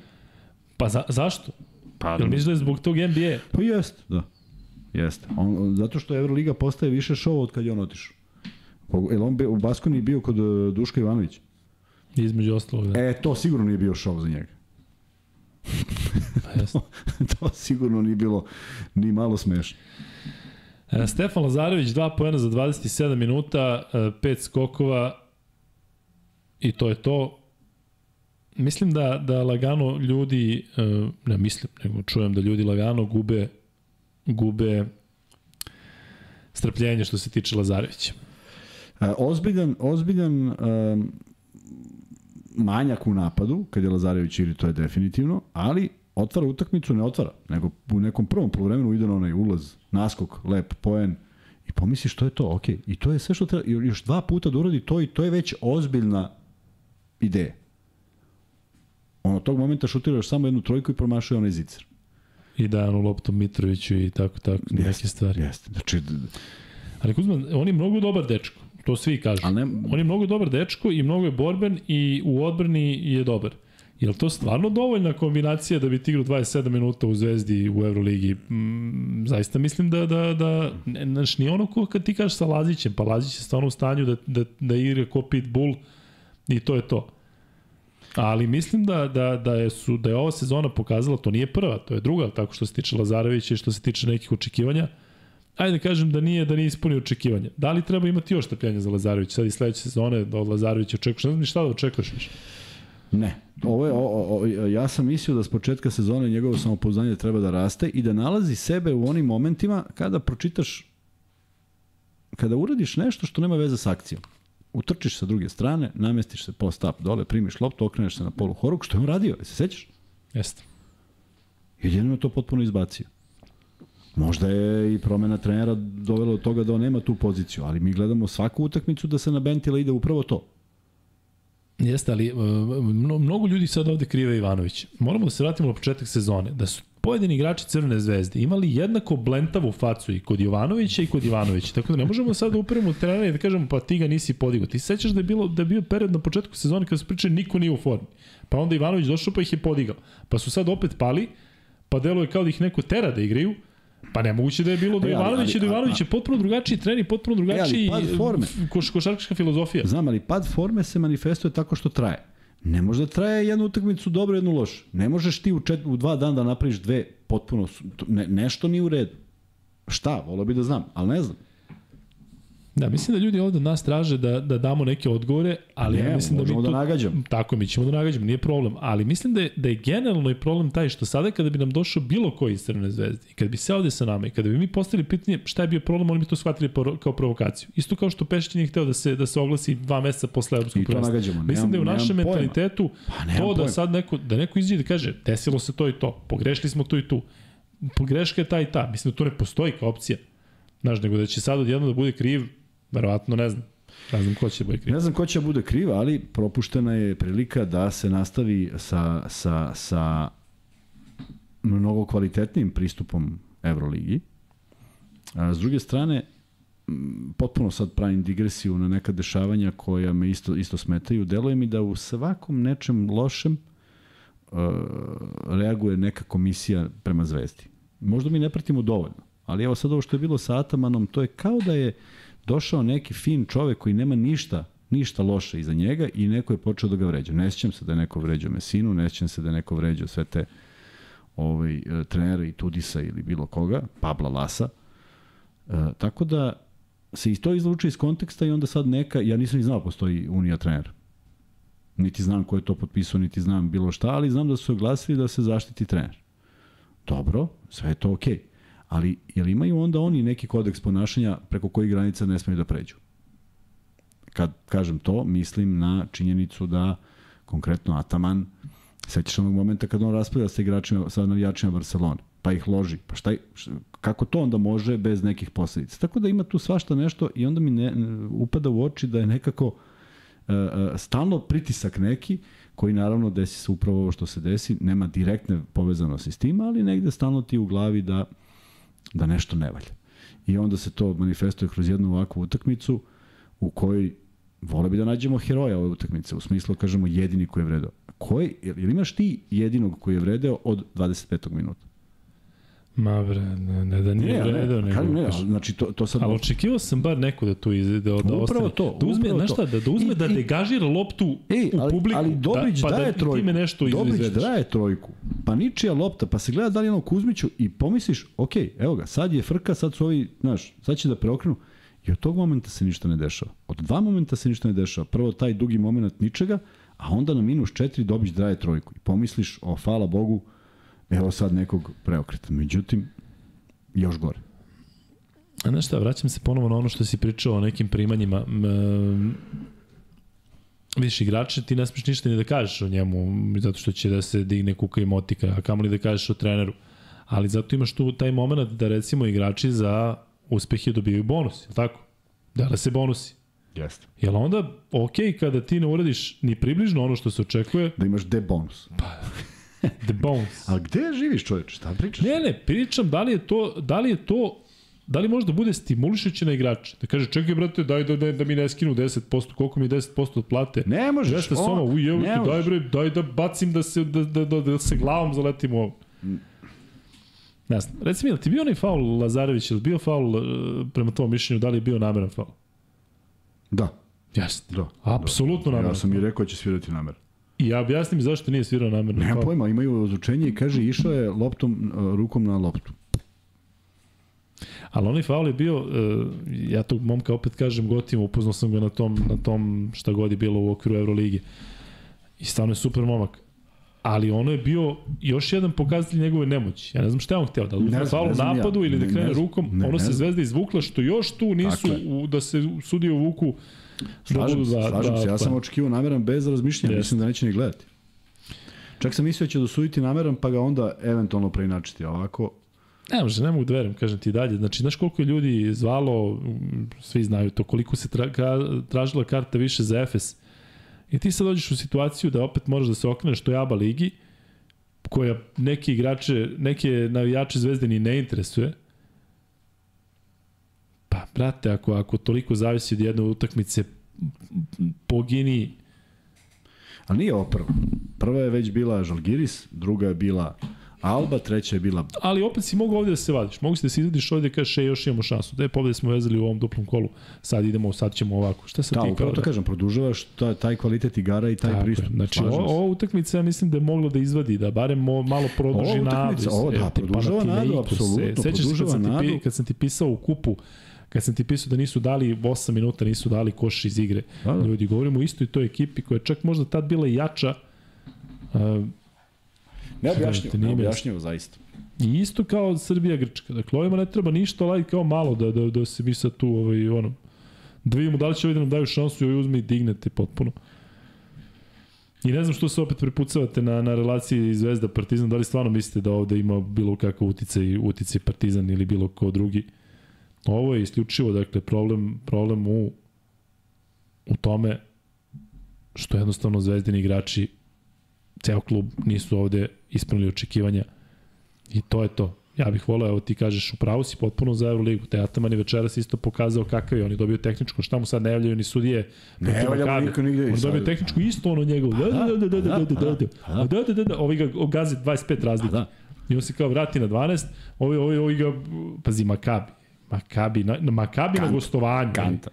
Pa nije, na gostovanju Makabi, koji gubi 40 razlike od Baskonije. Ne, ne treba uzimati sada pojedine utakmice kao reper, zato što je dugačka sezona i svašta se dešava. Ali jednostavno, e, znam, bez veze. E, dobro, idemo dalje sa igračima. E, Luka Mitrović 5 poena, 13 minuta. Što ti kažeš, zaista je čudno raspoređena minutaža. Pazi, e, Vildosa 18 minuta, Lazarević 27 minuta. Lazarević igra ubedljivo najviše. Kampacu 16 minuta, Mitrović 13 minuta, Martin 8 minuta, Dobrić 18 minuta, Ivanović 13 minuta. To je iznenađenje da Ivanović uopšte... Sve iznenađenje, sve naopako. Nedović 15 minuta. Koliko je Nedović igra u drugom problemu? Je li igrao Nešto dva? malo i kažu da se uhvatio za zadnju ložu i da je to to. znači onda je to ok opravdanje. Pa tako Pa u da, smislu da, nema, nema, da. nema šta. Mada ja Bo- bolje da je tako. osim, ovdje je napisao osim da je polomio obe ruke, morao je da igra. Da. Marković 3 poena, Kuzmić 6 poena, Petrušev 12 poena, Bentil 5 poena, ali Bentil 12 minuta, Petrušev 26 minuta, Kuzmić 17 minuta. Eto, konačno Kuzmić igrao više od Odigrao odlično. On je odigrao čo, čovjek odlično. Sve što je mogao da odigra, da da, on je dao. 18 minuta Marković. Znam. Ajmo dalje po, po, po igračima. Luka Mitrović 5 poena. Ja sam iskreno očekivao da će možda on biti taj koji, koji može da pokrene ekipu, ali ne možeš kada nemaš loptu u rukama, ne možeš kada, Ne kada, možeš, kada, je. kada Martin 0 poena, Bentil 5 poena, taj Bentil stvarno ne znam, znači ne znam. Daj prokomentariši Bentila, molim te, tražim Nemoj, svoj. molim te. Da nam ne dođe ovde, da nas, da nas pobaca, da, da osetimo mi njegovu snagu ovde. To što nije pokazao na terenu da krene ovde da bije. On je imao tri skoka ni kriv ni dužan, pošto je bio jedini u reketu.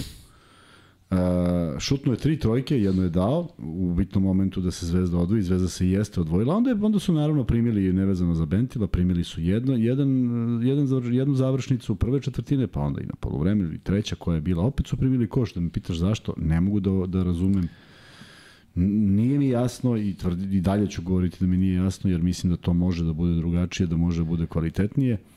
A, a Bentel je posle toga uradio šta još? Dva faula u napadu i to je bilo to. Više nije bio na parketu. Dobro, ali Bentila smo toliko puta komentarisali tako da se držimo onoga što smo pričali ranije. Tako Držimo da, se, ako, ako, apsolutno, ako ja- mislite, ako mi, ono, ne znate šta smo pričali o Bentilu, stvarno protiv momka nemamo ništa da neko ne shvataj da mi sad gađamo Bentila iz nekog razloga, ali očigledno da on Ne, evo, evo, nije, tako nije je. neko Evo, ko prosto- može da prosto zvezdi na pitanje. bilo koji način. Prosto pitanje. On je imao 4 od 5 ili tako nešto protiv Efesa. Jel ima nekoga u našem ko nas sad gleda da kaže da mu je to delovalo on primi da. I ti tačno znaš šta će da se desi? Ne. Ti strepiš šta će da se desi. Dakle, to nije njegova igra i vidi se da mu ona ne prija. On je najviše volao da trči malo, pa opali trojku odavde, trojku odande, eventualno dobije nešto ispod koša, kad je on igrao leđima. A prosto moraš da ga iskoristiš. I sad tu je ta, e, to je sad, da li, da li, da li ovaj treba da odustane i kaže, "Pff", ili da forsira, ili da ga nađe i kaže, ajde da nađemo. Imaš neke pragmatične trenere koji puste u nasleđenom timu da taj radi šta god hoće. Gde je komfort. I on odigra dobro, igra dobro, igra dobro. Nije to po tvom nekom ukusu, ali je možda mnogo bolje nego da ga naučiš. Možda, jer on možda sazri za godinu dana, ali znaš kad, to, to mislim ne, ne služi ničemu. Šta nas briga, gde će Bentel sledeće godine da, da unapredi ovu igru. Um, to što kad, kad kažeš u Bentil uzme loptu pa se mnogo strepi, mislim da mnogo ima situaciju u Zvezdi gde strepiš. Lazarević šutne trojku, kada Vildosa šutne onu trojku, To mi sad kada veći Holland problem. primi loptu, govorim sada unazad koliko, koliko dugo, kada Marković se namesti na taj šut koliko god davao, davao ovaj, mnogo ima strepljenja u igri Zvezde. E, Matsan kaže, donira i kaže lako je šutirati kad je 15 razlike. Šta ćemo sa tim što je u Zvezdi lopta kao vruć krompir kad se lomi rezul- rezultat? Treba uvesti da se režu po džepu svi ti skupi igrači pa će naučiti kako se rešava. E, Srđan Vidović još jedan donira i kaže možete li objasniti svrhu konferencija za štampu? Na svako pitanje trener odgovori moja odluka. Znamo da jeste, ali može li nekad i da se objasni ako se zatraži dodatne objašnjenje nastane haos. Jeste, da. E, to je, mislim, povezano i sa tim da je novinarstvo u Srbiji svedeno na burik novinarstvo, da je to E, okej. neko da niko ne sme ništa da kaže, da... Ok, ali ajmo da, ajmo da ispoštujemo novinara. Postavio je pitanje i ti sad treba da daš mislen odgovor. Nije više do novinara. On je postavio pitanje. Da, ali ima i ko postavi pitanje i kako postavi pitanje. Imaš novinare E, pa koji stvarno provociraju, imaš E, pa novinare koji sve, sad. ali, ali evo ja i ti ovde postavimo neka pitanja i nikada nećemo dobiti odgovor. Evo ja, ja i ti znamo da nemamo lošu nameru prema bilo kome. Ali eto, mi bi volili da čujemo neke stvari, tako? Tako je. Volili bi da čujemo nešto i to nema veze Ne, ali konkretno sa... poštovanje, ali, ali ne, bi, ne bi do nas onda bilo, to ću ti kažem, nego odgovor našeg sa, Pa to je ono što ti pričam, ovde kada bi neko došao i kada bi mi pitali da li je trebalo to, to i to, bilo bi, a, šta sad, da, da, da, da. Ali to nije novinarstvo u Srbiji. Samo to hoću da kažem. Slažem Da. se da ima ljudi koji ne rade svoj posao, ali to je neke, neko poštovanje i tog nekog. I šta sad, treba se desi konferencija na štampu inostranstvo i da ovaj pita na engleskom, jel? I onda mu ovaj to sve saopšti. Ili će svima da kaže isto. E pa, ajde da se vratimo sad na kodeks trenera koji treba da budu zaštićeni. A koje su tvoje obaveze? Jeste. Kako? Ataman na utakmici protiv Zvezde izlazi na teren u polovremenu i kaže da ekipa dođe, ako hoće intervju, da dođe kod njega. Slušaj, ekipa. Ono tamo kablovi svi spojeni, može dođe ekipa nigde. Ekipa stoji na jednom jedinom mestu. I nije dao izjavu. Jer se neko oglasio po tom pitanju? Ma dobro, on je, on je takav, može mu se No, e, pa i to jednostavno je- ponaša se tako. Pa tu, tu Euroliga gubi kredibilitet. To je što je najveći problem. Dobro, ima tu dosta Ma, ima, pozadinskih ima, radnji, pa, tipa je, ipak je to. Turkish Airlines Euroliga i ovaj koristi što verovatno te da li su zaštićeni, nisu zaštićeni, čovjek ipak šampion Evrope, pa se malo i bahati. E, Aleksandar Pavlović kaže sledeće, Luka ostavila Zarevića više, dečko uopšte nije bitan za rezultat, niti dobija, niti gubi. E, to što ti kažeš, Aleksandar, potpuno si u pravu, ali to jeste moj problem. Dečko nije bitan za rezultat, a igra 27 minuta. Okej. Evo, ja ću ga ostaviti na miru, ali mislim da je to suština problema. On nije bitan uopšte za rezultat, a igra 27 minuta, igra najveću minutažu ima. Dakle, ne kažem da je problem, da, da mislim da je on loš, nego jednostavno možda mu treba dati neku manju ulogu. Što Kuzma kaže, st- šest, šest igrača staviš i kažeš, momci, ajmo sada, pa on ako treba da uđe da napravi neki faul, ali ako ti neko držiš 27 minuta i a Kampaco i, i Nedović nisu odigli zajedno toliko, pa valjda trebaš nešto i od njega da očekuješ, a da nije samo korektna odbrana. Ali dobro. E, Vladan Milodinović kaže, ma šta je tu je, važno je da smo svi zajedno u dva noći, on je otišao u provodu Atini. Jeste, slažem se, važno je da smo svi, svi e, zajedno, međutim, e, kažem, ja sam se stvarno nadao, e, više, sam, više sam onako, da kažem, e, sebe lagao da će Partizan i Zvezda igrati u top 8 i nekako mi je bio bio mi je e, san da gledam Zvezdu protiv Partizana u top 8 koliko god to izgledalo neizvodljivo zato što sam znao da u Euroligi kao što su pokazalo na prva dva meča neće moći da bude neki gluposti i sa tribine i ostalo kao što ima u ABA ligi a sad evo vidjet ćete u ponedljak U ponedljak će biti svega i svačega. Tako uzma, nervoze velika. U, ovo će Nervoze biti, velika da. s obe strane. Ajde, prođemo igrače pa najavljamo da. Ajde. E, kažemo da je sledeći Hasan Martin, nula poena, nula, nula verovatno imaš da kažeš e, Nemam ništa za kažem, Martina. Ne, ne bi ni primetio, ne bi se ni setio da igra. I odmah da razumete, ja stvarno ne mislim da je on loš dečko i da ga treba napadati. Nego jednostavno on, i verujem da daje sve od sebe. Ali šta znači, ne, ne, sad, sad, sad, sad smo nešto pobrkali. Šta znači ne treba ga napadati? Pa ne, ne treba da o njemu da pričamo negativ. Sad jednom Martina mi očekujemo da ovo šta je... A nije, nije negativno. Pričaš samo nešto ovako. Imaš, imaš neke ljude koji su dovedeni da naprave razliku. Pa njih napadaš. Ja sam uvijek bio po, protiv toga da se napada 12. Da li, ako budemo napadali samo strance, onda Ne, ćemo, napad, znaš, kogod dođe i on ne, ne, ne, opredi. Pa znaš. Denedović nije stranac, pa nismo ga baš nešto štedili. Ali e, e, to je realnost. Stranci koji su došli su predviđeni da vode. Jesu. Ali opet kažem, nije problem u njemu. Nije on rekao, Meni- ja meni hoću je- dođem u pa zvezdu. Meni je pet puta zato više smetalo kada pričaju o Markoviću koji nije postigao poena, pogine tamo na terenu, jer nekom smeta što nije postigao poen i uvek ću to da zaštitim pre nego čoveka koji je doveden da da, makar ti pet, pet puta da probaci kroz obruč. Pa naravno da mi je više u očima to što nije ubacio pet puta nego ovaj što nije uradio ne znam šta. Da. Nema veze odakle, nego prosto koja mu je uloga. Nikola Ivanović je dao 6 pojena za 13 minuta, imao je Te dve dva trojke skoka. i onda sve čega se dohvatio je bilo naopako. Stvarno ne znam, oni, ne mogu da grešim u sudijskom kriterijumu, ali da, pri, da onaj, ne znam, ajde da ne bude da, jer ne, ne želim da, da uopšte, da, da skrenem priču na to da su sudije nešto oštetile zvezdu, iako su neke sudijske odluke u, u serijama bile prilično diskutabilne, Uh, međutim, definitivno nije u svojoj formi i, i eto te dve trojke koje je dao jesu podigle zvezdu i on se oslobodio, ali opet je to u drugom polovremenu bilo ništa, ništa spektakularno. Nije se oslobađao lopte, bilo je napada gde je lopta stajala kod njega, pa da nekome, pa mu je vrate, dakle bez neke naročite ideje, daleko od neke forme koju je pokazao kada je došlo do promene trenera, pa do povrede. Markovića smo rekli, Kuzmića smo rekli, e, Petrušev je dao 12 poena, on 9 skokova, 3 od 9 za 2, ali slovno bacanja. Pet slovno bacanja Je to, je to e, nešto što može da pokrene protivničku Pa, ekipu? pa. Kada ti vidiš da neko promašuje slovno bacanje, ti imaš Tako zicer, pa kako da, da pa ga... Kako, Samo- samo ćeš da klepaš. Ali šta je problem? Tu, Ne šta se desi? Ne, to, je, to, to kažu da je glava, ništa više.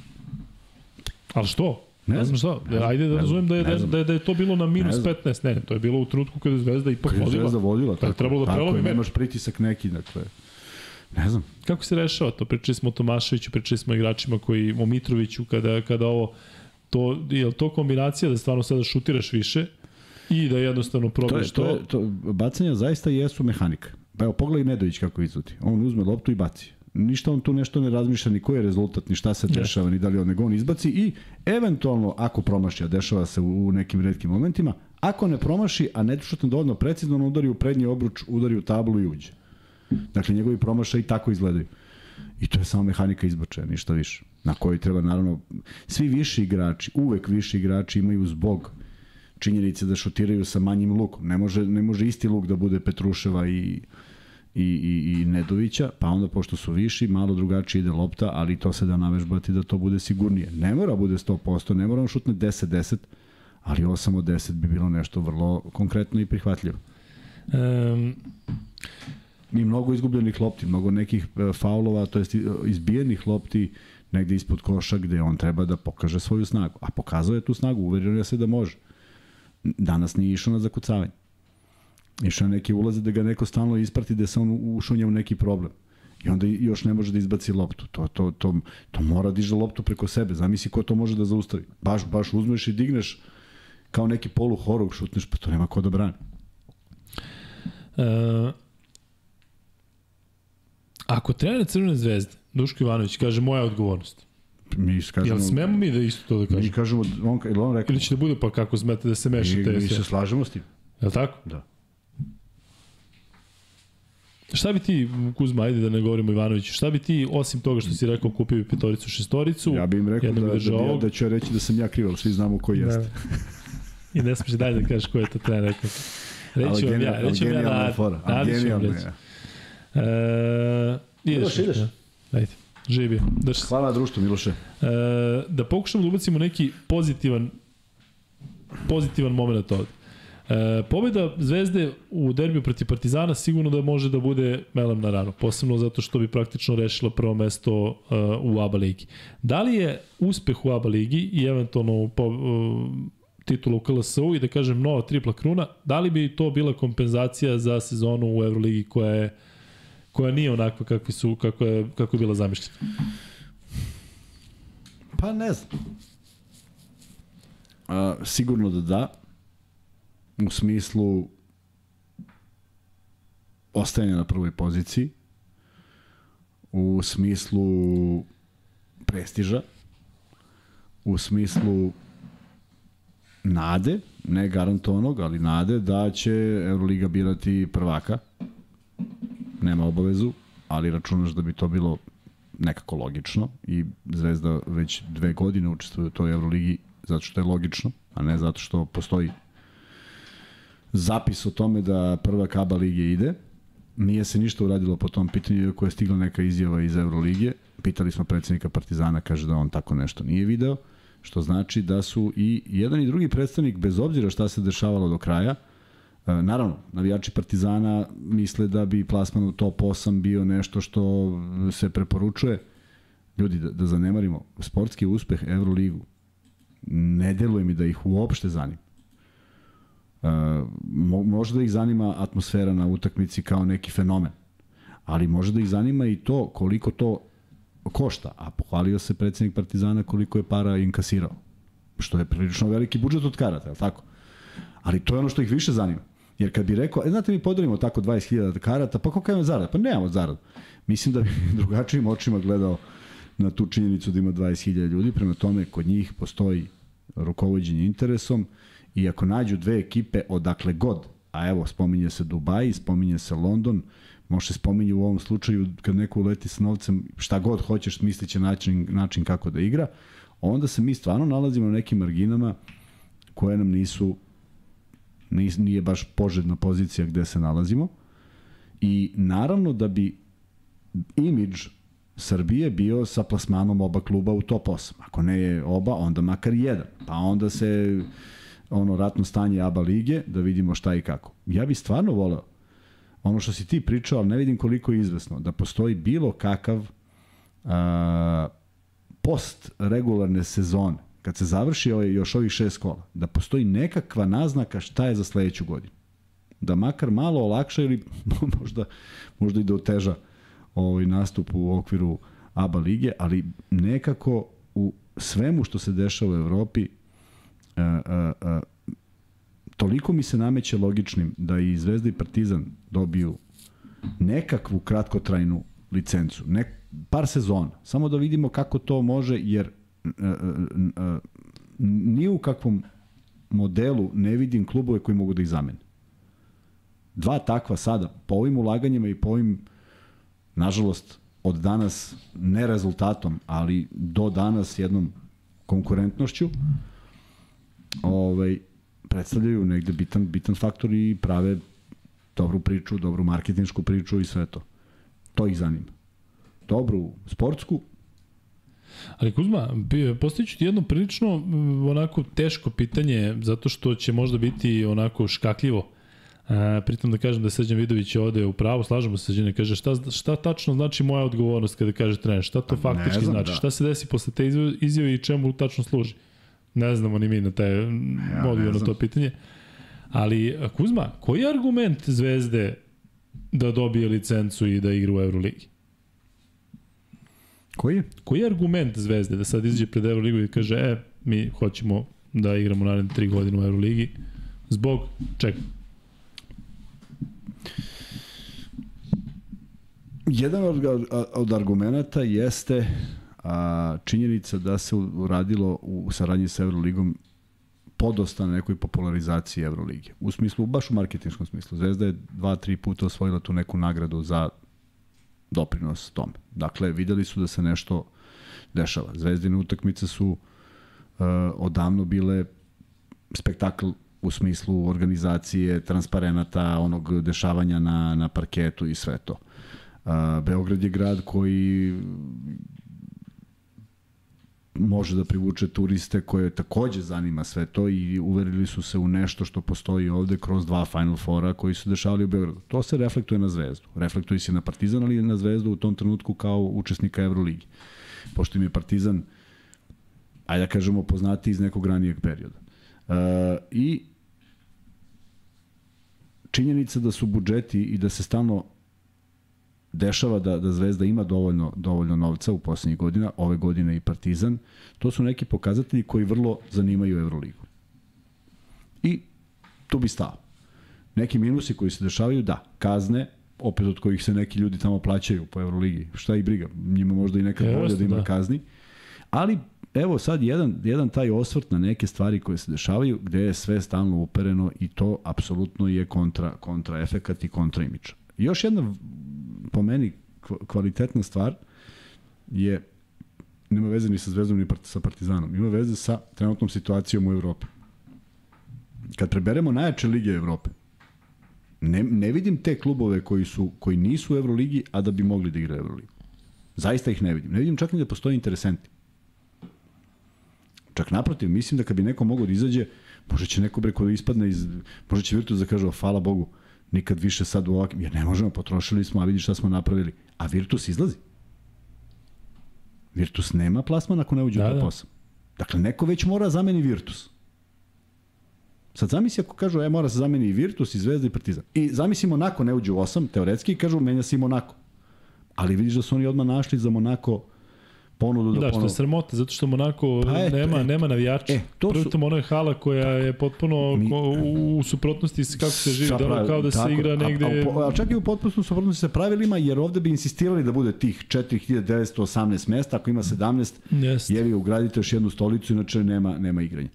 Tako da, naravno, dupli aršini, moramo, se, moramo to da shvatimo da je to tako i da sportskih tih momenta, gde mi stalno kažemo, znate vi šta, oni kažu, bre, baš nas briga Na moju veliku žalost, jer ja i dalje posmatram košarku kao sport, a ne kao biznis. I možda bi, mi sre, možda bi ja bio srećniji da posmatram kao biznis kako se sad posmatra i onda se ne bi ni nervirao što si ti postavio pitanje. E, majstor, ja sam potpisao ugovor, ja sam došao da treniram. Ne mogu ti garantujem ništa, jel piše ne da ti ja garantujem nešto? Ne. Piše da ću ja se pojavim na svakom treningu kad sam zdrav.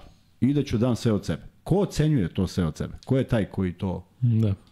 Pa, pa nisam u formi. Pa zašto nisi u formi? Pa nije imaju kondicioni da trener dobro spremi. I uvek imaš neki izgovor. Tako da, e, tako je koncipirana. Ja se samo bojim da se ne zatvori da se ne zatvori sve to i da se uruši. Jer ako nema nove krvi, ako nema svežine neke, to, to ne može da funkcioniše. Stalno će neko tražiti više i stalno će biti ta neka tenzija, jer e, svi, e, zbog, kada, se, kada je promenjen Bartomeu, shvatili smo da postoje nezadovoljni u Euroligi. Nama je delovalo da smo mi ovde na, ono, stalno na marginama, a u stvari imaš mnogo nezadovoljnih kako se neke stvari dele, pa čak i u mnogo ozbiljnijim zemljama koje to gledaju isključivo kroz financije. Prema tome, vidjet ćemo šta će doneti budućnost, ali ja bih najviše voleo da se to desi u momentu kada se bude znalo to posao. Evo ga, Sale Ristić kaže, uništili su mi pre podne, bar da nas neko razbije pa da kažeš bolji su. Ove oscilacije su nevjerovatne i raspodala minute još čudnije. Nikada ne sudim treneru koji nije selektirao tim, ali Duško mora da elaborira ovo. Čudno je. Sale, s ovim bih ja završio današnji podcast. Dakle, sve si rekao kako treba. E, ne znam, jednostavno, da li misliš, Kuzma, da je recimo opcija za Zvezdu, da zadrži ovaj tim, promeni naravno Bentila, Holanda i Martina, da na njihovo mesto dovede tri dobre igrače i da sledeće sezone sa Ivanovićem uđe u, u start sezone, da su tu Vildosa Kampacu, da su tu ovi igrači, da kažem dođu još tri nova igrača, ali bi to za tebe bila, za tebe lično, ali bi ti to prihvatio kao opciju? Uh, ja uvek prihvatam opciju kada se radi na početku i kada se izabere tim. To je meni sasvim ok. Izabro si, ne moram uopšte da sumnjam. Ja ne bih, nikad se ne bi rukovodio time dok, dok ne vidim epilog. Ne bi se nikad rukovodio time što bi ovaj zvao. Pričalo se Polonara u Zvezdi. Meni on vrlo, kako bih ti rekao, neupotrebljiv. Ali može neko od njega da napravi igrača koji se traži, koji je vrlo koristan. A, tako da, svaki trener koji sastavlja tim, ja sam tu da dam podršku, zato što, naravno, ako naročito ako ima neki rezultat iza sebe i ako nešto nešto o košati zna prema tome nemam problem s tim. Mm, dobro. E, Kuzma, hoćeš da se zadržimo još na Zvezdi ili hoćeš da pređemo na najavu, na najavu derbija? Najava derbija, dosta je bilo. Ajde. E, Kuzma Zvezda i Partizan igraju u 20.30 u ponedljak u okviru ABA lige. Ekipa koja dobije taj meč izvesno će biti i, i prva na tabeli, ali tako? Tako vrlo, vrlo jednostavno se bore za prvo mesto, odnosno najverovatnije e, prednost domaćih terena u, u finalu play-offa uz dužno poštovanje budućnosti. CDVita Olimpije i ostalih klubova u ABA ligi.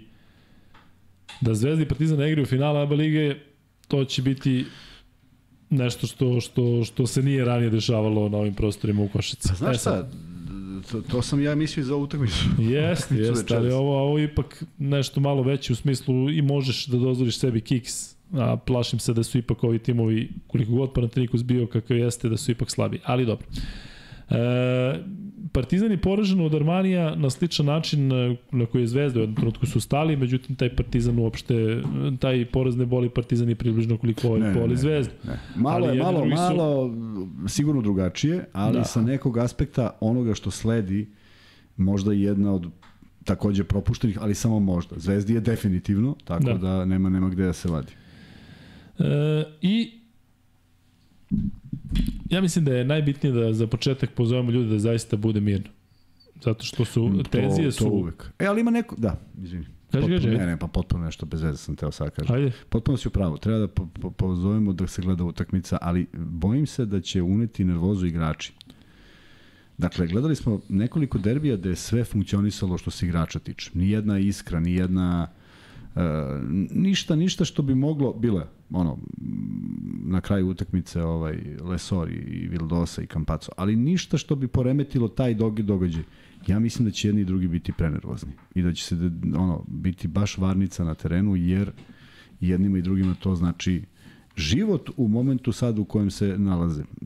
Partizan svakako u boljoj situaciji, a Zvezda u situaciji u kojoj jeste. Da kažu ovde da nismo komentarisali Nedovića, pa jesmo, samo je čovjek se uhvatio za zadnju ložu pa nije igrao, tako da ne možemo da... Tako, Ja mislim da je on odigrao odličnu partiju od tog momenta. Jeste. Nemam šta da, da, da kažem. Sve je uradio što treba, pogodio što treba, bio sasvim korektan. Ušao čak u jednom momentu da odigra defanzivu na mm, Tomasu, već Tomas. Mm. I odigrao. I odigrao sve što treba i onog momenta kad ga više nije bilo, samo je svima bilo nejasno zašto ga nema. I onda kako je prolazilo vreme, shvatiš da je nemoguće da to bude neka vaspitna mera jer utakmica ode dođe ova. Ali ovo ispostavilo se da nije. Kuzma, bi volio da vidiš Papajanis ili Mete Tomasa u Zvezdi ili Partizanu? Što da ne? Tako je. Kako ne? Tomas? To... Ko, ko Beron O. šuter, lepo tačno znaš šta da očekuješ. A Papajanis sa onim ručedama, ja mislim da bi njega pokrenulo malo da bude u nekoj sredini. Ma ja mislim da bi njemu svanulo kad bi Da. imao samo neke igrače koji ga razume. Jeste. A pritom, ovaj, eto, Papa Petru došao iz Panathinaikosa u Partizan, Nedović je došao iz Panathinaikosa u Zvezdu. Pa da, ali on je tu već 7 godina i on je potpisao ugovor kao klinac. Pitanje je na koliko je godina Dobro, on bio podržava na NBA ugovor. ligi nešto Sve stoji, probao, ću vratio kažem, se. pitanje je koliko ima, ima ugovora, ali svakako mi je žao što jedan takav centar ipak tavori u tom Panathinaikosu. I mislim da se jedini uzbuđuje, najviše se uzbuđuje što je tamo od svih ovih ostalih. Ovi imaju dobar, dobar ugovor i to je to. I sledeće godine idu negde dalje. Gde? Island, Švedska, Norveška, Euroliga, potpuno sve jedno. Samo Island, nisu, a ovaj Island. čovjek, ovaj čovjek je u Atini pa je u Atini. E, da se vratimo na derbi. Partizan je realno u prednosti. Ima prednost domaćih terena. Prednosti, Partizan je. ima mm, dobar flow iz Euroligi i pored poraza u, u u ovom poslednjem kolu, odnosno protiv Armanija, ali videli smo to i u ABA ligi i u Euroligi da Tako to je, ne mora ništa da veze, znači, pa da da. može da se, da se promeni jako brzo. Iz ugla Partizana E, Na koji način možda se iskoristi ova situacija u Zvezdi? Kako taktički napadati Zvezdu u smislu sada su oni u kanalu posle svega što se desilo? Ne znam. Jer ja ne znam, upravo ti kažem. Da, nije, se- nije, nije, nije samo Pretikus našao neko rješenje pa kažeš aha, to je, Tako to je. taj dobit, Tako dobitni način, tako ćemo Tako, sad vidiš, i mi. kažeš, čekaj bre, i ti da lociraš problem i onda ga odstraniš. I ako ga ima, odstraniš ga. Ako ga ima, rešiš. Neko. Ali ko, na koga bi recimo ti trenerski, skauterski, što se tiče skautinga, najviše obratio pažnju u trilingu Nedović, Kampaco, uh, Vildosa, zato što Kampaco ja mislim da ne može nikad više da odigra ovako kao što je lošio, loše odigrao sad. Ja mislim da će on protiv Partizana biti dobar. Opet sam mislio da će biti dobar i protiv Panathinaikosa. Ja više ništa ne mogu mislim, pošto mi Da. ništa nije jasno. Ali u pravu si da... Ali recimo imaš jednog defanzivca pa, koji je... Nedović ekstra- pitanje da li će igrati. Šta? Pit, Nedović pitanje da li će Da, igrati. on ili kažemo je- normalni muslima. Da, Koga čuva Vramović? Sad Vramović mora da juri neko od njih trojice. Koga juri? Ja bi ja Avramović stavio na, na Nedovića. Da. A Egzuma bi stavio ili ovoga Madara na Kampaca. Jedan koliko- zato što je viši pa je malo teže, Da. a drugi zato što je brz. A koliko mogu da nam budu reper ove prethodne utakmice, odnosno prethodni derbi? Ne, ne, ja mislim da ne derbi mogu ništa nema, budu, ne zato može što su igrali u potpuno različitim situacijama. Ovo je bilo u Tako je. polufinalu kupa, dole u Tako je. Nišu, nema, nema. Ne, nema, nema nikakve veze i mislim da će mi ćemo mislim da ćemo gledati nešto uh, slično, ali kažem sa više nervoze, jer ako jedni i drugi ne uđu u neki svoj ritam, a sad Partizan deluje tako da ritam, kad kažemo ritam Partizana, to znači da ako neko uđe grubo ili sa dovoljno ovaj, sudijskog kriterijuma u Pantera i Partizan je u problemu što se poena tiče makar na posljednjoj utakmici. Tako da ima tu sad nekih zamisli koje, šta će i kako, ali mislim da pobeđuje odbrana, da pobeđuje ta neka energija, da pobeđuje jedna smirenost, manja nervoza. Mislim da bi da će zvezdini igrači biti nervozniji iz prostog razloga što igraju na gostujućem terenu i što su doživjeli ovakav ovakav poraz kakav kakav je neobjašnjiv. Partizanov nije neobjašnjiv. Nije, da. Partizanov dođeš u fazu i kažeš uđe, taj Željko Bradić uđe- u slučajnicu i kaže ljudi, ali mi smo sedam lopti osvojenih u prvom povremenu, nismo, nismo ni jednu ubacili u koš. Da smo tada vodili 10 razlike, pitanje je kako bi ta utakmica išla. To je ispušteno. A ovde je, ovde je sve išlo kako treba i onda neobjašnjivo. Tako da, Da, mislim da je za Partizan lakše zato što su ipak, koliko god Armani igrao kako je igrao, da su rekli ipak smo igrali protiv ekipe koja je vezala pet pobjeda u Euroligi, a Zvezda igrala protiv ekipe koja je vezala tako je, pa tako 16.000 je. poraza u... sad, si, sad si ti u problemu da razmišljaš Da. da, možeš pobediš Jeste. bilo koga. E, da. Pitaju ovde da li može Lesor da ponovi partiju iz e, prvog derbija um, ABA lige. Znaš kako, ja mislim da je opet najbitnije da, da, da nema provokacija. Ni da neko provocira Les- Lesora, ni da Lesor nekoga provocira. Zato što su baš tenzije takve da jedna iskra može da napravi potpuni haos. A derbi u ABA ligi, gde znamo da su drugačiji kriterijumi u odnosu na, na, na Euroligu. Tako da bi odavde ponovo pozvali na strpljenje, na uh, maksimalnu korektnost i ono što, Kuzma, ajde reci da, da, ho- hoćeš da se kladimo u zilion, ziliona, čega god, da je ekipa koja je izgubio ponedljak, da će se žaliti na suđenje. To, To je, već, to je znači, već to je zapisano. Već su spremili. Da, to je potpuno ovaj, jedino što je izvesno u ovom trenutku, tako da, da nema šta. E, Zvezda je dobila Partizan u ovom prvom derbiju 90-74 i tada je Zvezda odigla jako dobro napadački. Partizan je vodio, ja mislim da je vodio ili bio egal na polovremenu i onda je u, u, u drugom polovremenu Partizan baš bio loš, u posljednjoj četvrtini je dao jednocifren broj poena. Da li, e, ovo što si malo pre rekao, da li misliš da je odbrana ključ svega? Da li misliš da je, da je odbrana ta koja? Mislim da Zato što jeste, Partizan, da. videli smo da može, ko, koja ekipa u stvari može da igra bolje na koš više? Partizan. Tako. Da. Znači, za Zvezdu je bitno da, da to... Partizan može da igra na koš više ako, ako vratiš poene o, egzumu, pre svega, pre svih egzumu, Panter ih ima, pa će ih imati i naravno vrlo bitna, bitan dvojac, ne Lesor, koliko god glupo zvuči, zato što su ono izbori za svoju loptu, ali Leda i Naneli koji su, pre svega Leda i nije, nije u onom, u onom modu u kojem je bio, a Naneli jeste, čak i sa manje brojeva on pogađa u dobrim procentima.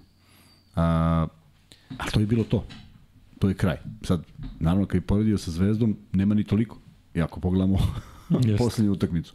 Prema tome, inspiracija će doći, neko će odigrati ovako ili onako, ne zaboravi da Andjušić koliko god imao problema ove sezone, on kad igra protiv Zvezde, to bude e, drugačiji pristup. E, Marković koji je rešio kup prošle godine, tako, sve, sve karte su bile bačene na to da on bude pušten da šutira tri, on pogodi tri trojke za redom. Tako da to su momenti inspiracije, ne mogu da, da predvidim apsolutno ništa, ne zato što mi je teško u smislu a, sad bio bi navijački ostraćen, zašto stvarno ovaj, kad vratim film i kroz sve periode, sve epohe kad se igralo, uvijek je to bila neka dodatna neizvesnost. Ja nikad neću zaboraviti utakmicu kada je ceo Partizan, doslovce ceo Partizan dobio pet penala. To je 80 i, na primjer, 7. 8. I Oliver Popović uđe u igru. Zvezda potpuno kompletna.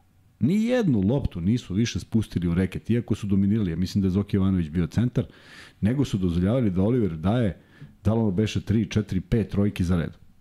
I svi vraćaju trojke. Niko više ne ide da igra bilo šta smisleno i ti pomisliš da je ta utakmica završena, a ono ne da nije završena, nego, nego je Partizan pobedio. Prema tome, e, e, bilo je takvih utakmica, bit će takvih utakmica, ulog je ovde takav da Partizan mora da pobedi i da Zvezda mora da pobedi. Dakle, nikom ne odgovara nikakva Jeste, da, kombinacija više... rezultata i to je to. Jer jedne i druge, sad svi govore, pričaju kako je Zvezdi ostala utakmica sa Cedevitom. Jeste, ali Jeste. Partizan u moru ovih evroligaških utakmica ima Cedevitu pa budućnost.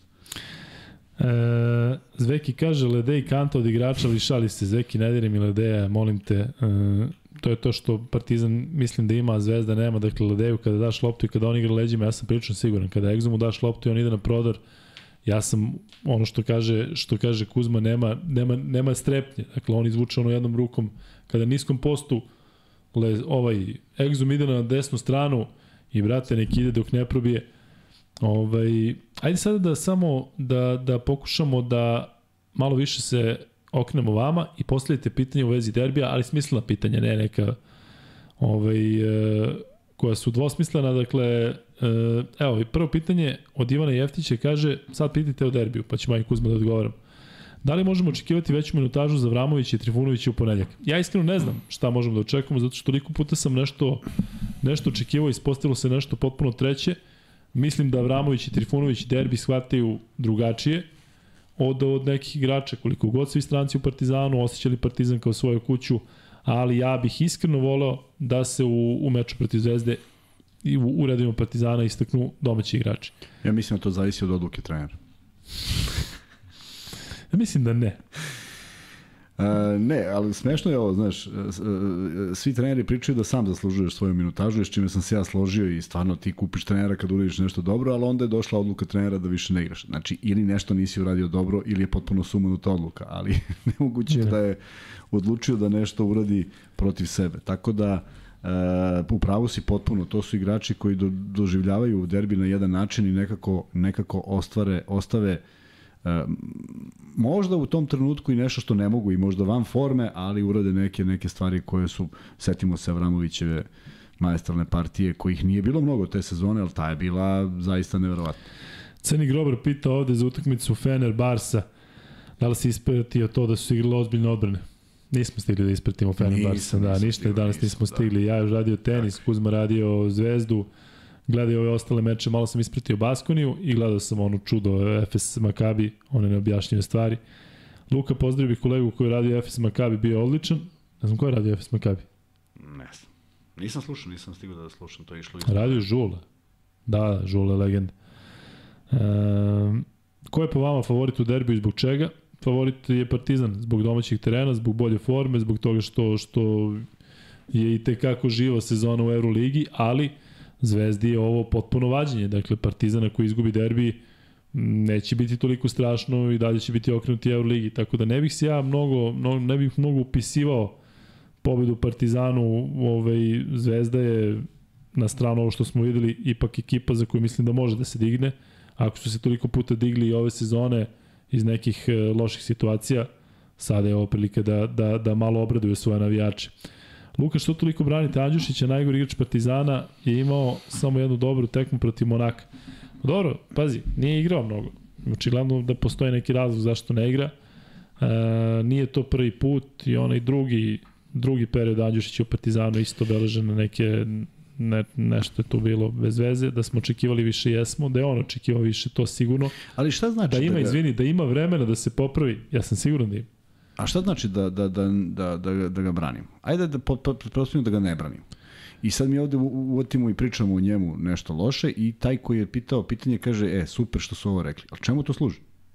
Jeste, ali pazi, ja, ja mislim da ti to nemaš, ali ja mislim da sam subjektivan zato što je momak bio ovde bio korektan i odazvao se na prvi poziv. Ovaj, ja, ja mislim da ga gledam drugačije. Zato što sam video kakva je Ti njegova... si taj koji je subjektivan. Ne, ozbiljno ti kažem. Znači, evo, on je dečko bio Meni kažu da sam subjektivan, tako. si vidio, a u stvari si ti taj. Ne, ne, za tebe svi kažu da su subjektivan, a ja za sebe kažem da sam E. subjektivan, da. Ali ja stvarno Andjušića od kada je bio ovde gledam drugačijim očima. Dočko došao, bio, rekao sve što ima. Isto tako gledam i Luku Mitrovića, čovjek kasnije zbog nas na trening. Došao ovde, čeka ga Radonjić da, da počnu trening.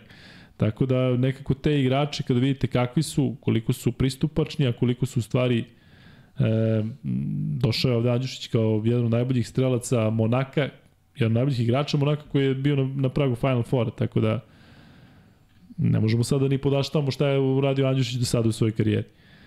E, da li može Mitrović da bude glavni zvezdni faktor u derbiju? Kuzma? Može. Ba, ako neko može, ja mislim da je on top 3 Može, koji može. i da. neko ko je, da. Može. Da li znamo u kakvom je stanju Lazić, da li je fit za derbi? Ne znam. Ko ide na Pantera ako ne igra Lazić? Ovo su brze, brze pitanje i brzi odgovori. Marković. Da li očekujete da sudije budu u prvom planu na derbiju umesto Ja, igrača? a mi kao dajemo odgovor, kao Da. da. sve tako. Očekujem sudije u... u, u Ne u prvom planu, nego, Nego- u jedinom planu. Dakle, prvi, drugi, ih treći I plan. očekujem da bude mnogo nekih kompenzacija i čuda i nekih pritisaka i to je bez veze. Luka, šta misliš o Smajlagićim, Smajlagićevim defanzivnim sposobnostima ponekad deluje da je promašio sport. Nije on dečko samo ja mislim da hoće previše i da fizički je vrlo dominantan, ali da ne može da, da, da, da ostvari ono što želi. Sličnu, sličnu situaciju ima Avramović, odnosno imao je Avramović, jednostavno hoćeš bre da, da pojedeš celu ekipu, da, da, da, da ne statistički da se ti istekneš, nego jednostavno da da odvališ a ne ide. I onda kod Smajlagića to možda deluje trpavije zato što igra na poziciji na kojoj igra, ali mislim da da nije usklađeno to mogućnosti sa, sa ambicijama i, i idejama i željama. E, igrači koji su u katastrofalnoj formi da se očekuje da podignu formu derbiju je realno dobitku Binga. Derbi je najteža utakmica i samo kvalitet igre, ali vidi, mora neko da odskoči. Dakle, u ovom derbiju će morati neko da se istakne, tako? Dakle, neće, neće samo u Zvezdi igrati Mitrović koji je pouzdan i ne znam, Petrušev ili kada. neko će morati ovde da iskoči, a da nismo očekivali, tako da, eto. Pa ajde, ajde samo da posmatramo tu utakmicu posle Cibone. Je li neko očekivao stvarno protiv Efesa? Niko. Tako da, ne znamo ni šta da očekujemo, zato što su neka... Jeste, jeste, prosto neobjašnjive su neke stvari. Da, dakle, Sve Cibona izgubi ti pobediš Efes 14 razlike. Onda Efes izgubi od Makabija 20. Jeste. Ljudi su ovde komentarisali u posle, ba, bilo je nekih naravno komentara koji su sprdnjali, je bilo tipa da je baš loša situacija u Zvezdi. I ne ljudi kojim, kojima verujem kažu da je baš nešto loša situacija unutar tima. Na relacijama igrač-trener, na pojedinim relacijama igrač-igrač, ali to protiv Efesa ne da se nije videlo, tako? Znači, nemoguće da je sad protiv Efesa ostvarena pobeda i da se to veče, ne znam šta desilo i da se sada, da je sad odjednom sve puklo. Ako je bilo nekih problema, to je protiv Efesa ne sakriveno, nego je bilo ovaj, više nego, nego dobro je donalo ekipi. Ali dobro. Luka, hoćete li da prenosite derbi studija uživo? Radit ćemo na tome i obavestit ćemo vas u ponedeljak u toku dana. Moramo da vidimo da li je to fizički izvoljivo, dok da li će se raditi neki podcast u ponedeljak tok, m, pre nego što počne derbi. Miksel ima nešto u ponedeljak? Mislim da ne. E, tako da moramo da vidimo sa Srkijem koji, koji se pita za to, pa ćemo vam javiti, ali ideja postoji i gledat ćemo da je sprovedemo u delo i da neki stream ovde nađemo i da komentarišemo utakmicu zajedno sa vama. Da li Micić i Larkin igraju protiv Partizana? Pa igraju sigurno, ako su igrali danas, ne vidim Da. što ne bi igrali. E,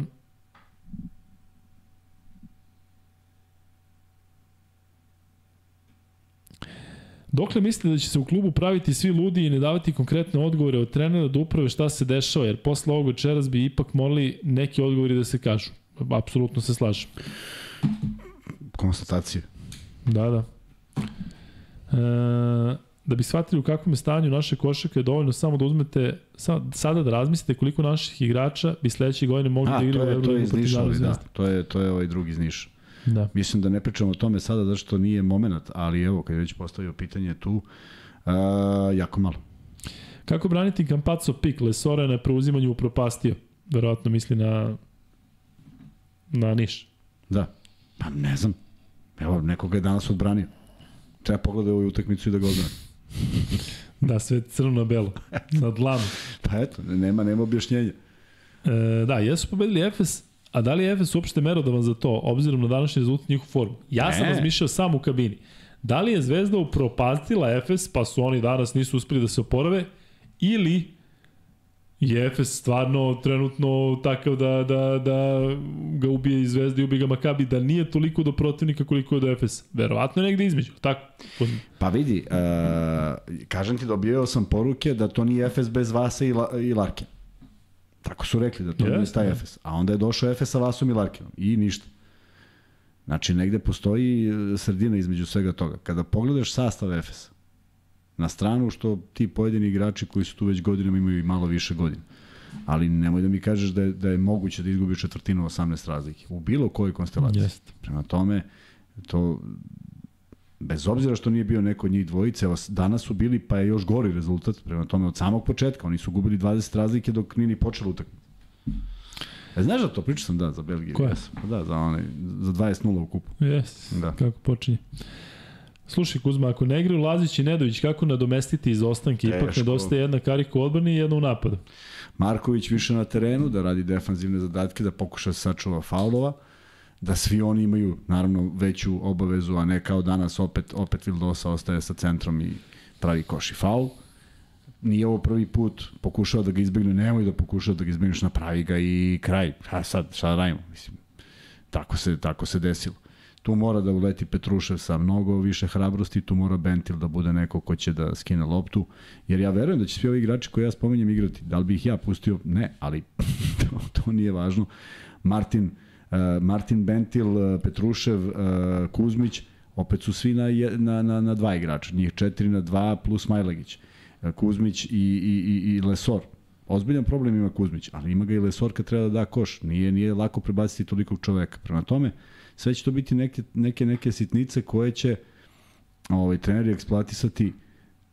Ja se nadam da, da, da, da, da ćemo gledati, vole bi da gledamo dobru košarku i vole bi da gledamo nešto što, što je u glavnoj ulozi U derbiju? u derbiju. Ma nema šanse Pa, ali bude ja ti dobro šta koš. Ne, ne, ne, ne, znaš šta, ne dobra, ne dobra puno poena. Meni je dobra utakmica Armani i Partizan. Meni je žao što Partizan 7 kontri ne iskoristi, ali je dobra utakmica zato što je Partizan igrao fenomenalnu odbranu, Armani igrao prilično dobru odbranu, prema tome ajde da gledamo te neke segmente koji mogu da, da, da učine utakmicu lepšu. Luka, koji skoro očekuješ Partizana protiv Reala, Barsi i Olija? Navijački očekujem 3-0, realno da bude jedna ili dve pobjede. Nadam se dve. E, Ako me pitaš protiv koga, mislim da je e, u ovom trenutku... koga. da, mislim da je, da je koliko god zvučalo čudno, najlakše u ovom trenutku pobedili, pobediti Barsu, da je najranjivija, pa onda Real, pa zatim Olimpijakos. E, postiću vas da je Olimpijakos razvalio Partizan u prvom meču, duše tada znate da je bilo povrede i da su dati neki igrači reprezentacije, tako da nije, Đorđe je igrao ovaj, glas, ja mislim da je igrao nešto, bilo ovaj, baš se da skupila ekipa i posebno u delu sezone koji, koji je za Partizan bio prilično loš. E, Miksa, možda staviš pol da čujemo mi šta naši e, gledalci misle o derbiju. Dakle, šta mislite ko pobeđuje derbiju? Stavi Partizan A, Zvezda B. Čekamo 500 like pa ćemo imati prvi free bet, pa ćemo onda malo i da ubrzamo sa free betovima. Zato što e, zato što ćemo lagano i da privodimo kraju, nema šta. E, ne vraća se Lazi za derbi, oko 20 dana je odsutan. Da, ja mislim da neće igrati u derbiju. Da li očekujete veliku minutažu za Kuzmića? E, ovako. Kao danas, Pa da. 15 minuta. Pa da, 15, 17, 20 minuta koliko je potrebno, ali sigurno ne, ne, ne raditi nešto na uštrb e, dobrog zagrađivanja, jer Zvezda nije imala problema u skoku ni na ovoj utakmici, bila je bolja u svim kolonama, dobar deo utakmice. Ceni Grober kaže sledeći. Luka Ataman je tražio da se odgodi meč protiv Baške, Baš, Bahče Šehira. Ne protiv Bašak Šehira, mislim da je Bahče Šehir. U nedelju i taj zahtjev je odbijen. U utorak imaju u Real, to je za ostali Da, meč, da, pa da. onda protiv Partizana u Da, četvrtak. da. Stvarno Partizan ako to ne dobije, ali opet će se vaditi Efes. Dakle, cele sezone, ljudi, to je nešto što je vezano i za Zvezdu i Partizan. Vade se ekipe protiv Zvezde i Partizana. Baš se, baš se, baš se potrefilo nekoliko puta da se ovi što su dole vade, a da opet s druge strane ulaziš i nekima u seriju Dakle, mislim da je, da je falilo malo više sreće i Zvezdi i Partizanu i da bi, da bi jedni drugi imali još bolji skor. Odnosno bolji skor. Mm, Ima negde istine, ali ima i neki grešaka koji su... Pa ima i greška, ako da. nema greška. Da li Partizanov X faktor leži u Madaru? Jedan od X faktora je sigurno, jedan od igrača koji može da da 20 i da pokida, a može da ne uradi ništa. E, jel ne, legao nekome free bet od srede? Od Da li nekom legao? Ne znam, Pitaju poslao tebe. sam sve. Jesi poslao sve? Sve sam poslao. Ovo je od sinoć. Ne, Tako. od sinoć nisam, sinoć, sinoć To je da četvrtak, šaljem, je tako? to je Da. četvrtak i Da. petak šaljem sutra. Da, Luka, pogledajte Baskonija Monako prava košarka. Gledao sam malo, iznenadio sam se iskreno ovaj, e, da je Monako dao 102 poena ili koliko već bez Jamesa. Očigledno da može i bez njega, za one koji su mislili da ne može. Tako da će biti ovaj biće ludilo sa Jamesom. Mišljenje o Atamanu. Šta da misliš o Atamanu? Mm, kažem, kada sam vidio da je dobio onu tehničku danas protiv Makabija, isti izraz lice kada dobije tehnički u Turskoj i svuda. Jednostavno, to je, to je on. Ne dopada nam se da smo u Turskoj, verovatno bi ga slavili da smo Tako navijači Efesa. Tako je. Tako to ide. Da li Kampaco ostaje ako Zvezda ode u Eurocup? Ja mislim da nema ugovor za dve godine. Pa za nema je do kraja plus još jedno. Ne znam. Jel ima? Ja sam mislio da ima. Sad, Ja nemam sad si me ti zbunio. Ja ne znam uopšte. Da. E, dobro. Ajde free bet puci. Da li duel Exum Campazzo rešava derbi? Pa ne rešava, ali će biti prilično Ajde bitan. imamo ko će biti spreman za te neke manjkavosti svih igrača koje svako ima. Ajde imamo kako će se braniti, da imamo kako će, kako će neutralisati to. Danas ničim izazvano je Panathinaikos to uspeo. Ne znam, ja ne mogu da otkrijem šta je to bila tajna gde Kampaco nije uspeo da uputi više od dva koša. Zaista mi nije jasno. Od dva, dva šuta. Luka, da li ćeš gledati Jokića kad dođeš kući? Neću, zato što ću verovatno da se komiram i da, da, da spavam. I da sanjaš tenisku lopticu. Tenisku lopticu, verovatno. San Antonio Denver, 26-38 u ovom trenutku. Da vidimo kako nam igra Jokara. Jokara je trenutno Kuzma, 15 poena, 3 skoka, 4 asistencije. Treći minut. U prvoj četvrtini. Denver ako ne uzme titul, Nemoj Idem sad, tamo. molim te, Ma, nemoj, molim ti, sve ako nešto nije, dva put si se ošišao, svi su kante i sve neki glupi rezultati. Pusti to, čovjek. A tvoja Minnesota protiv Brooklyna vodi 31-24. Da znaš, igraš Philadelphia, Portland, ja Washington, Atlanta i. Miami, Cleveland.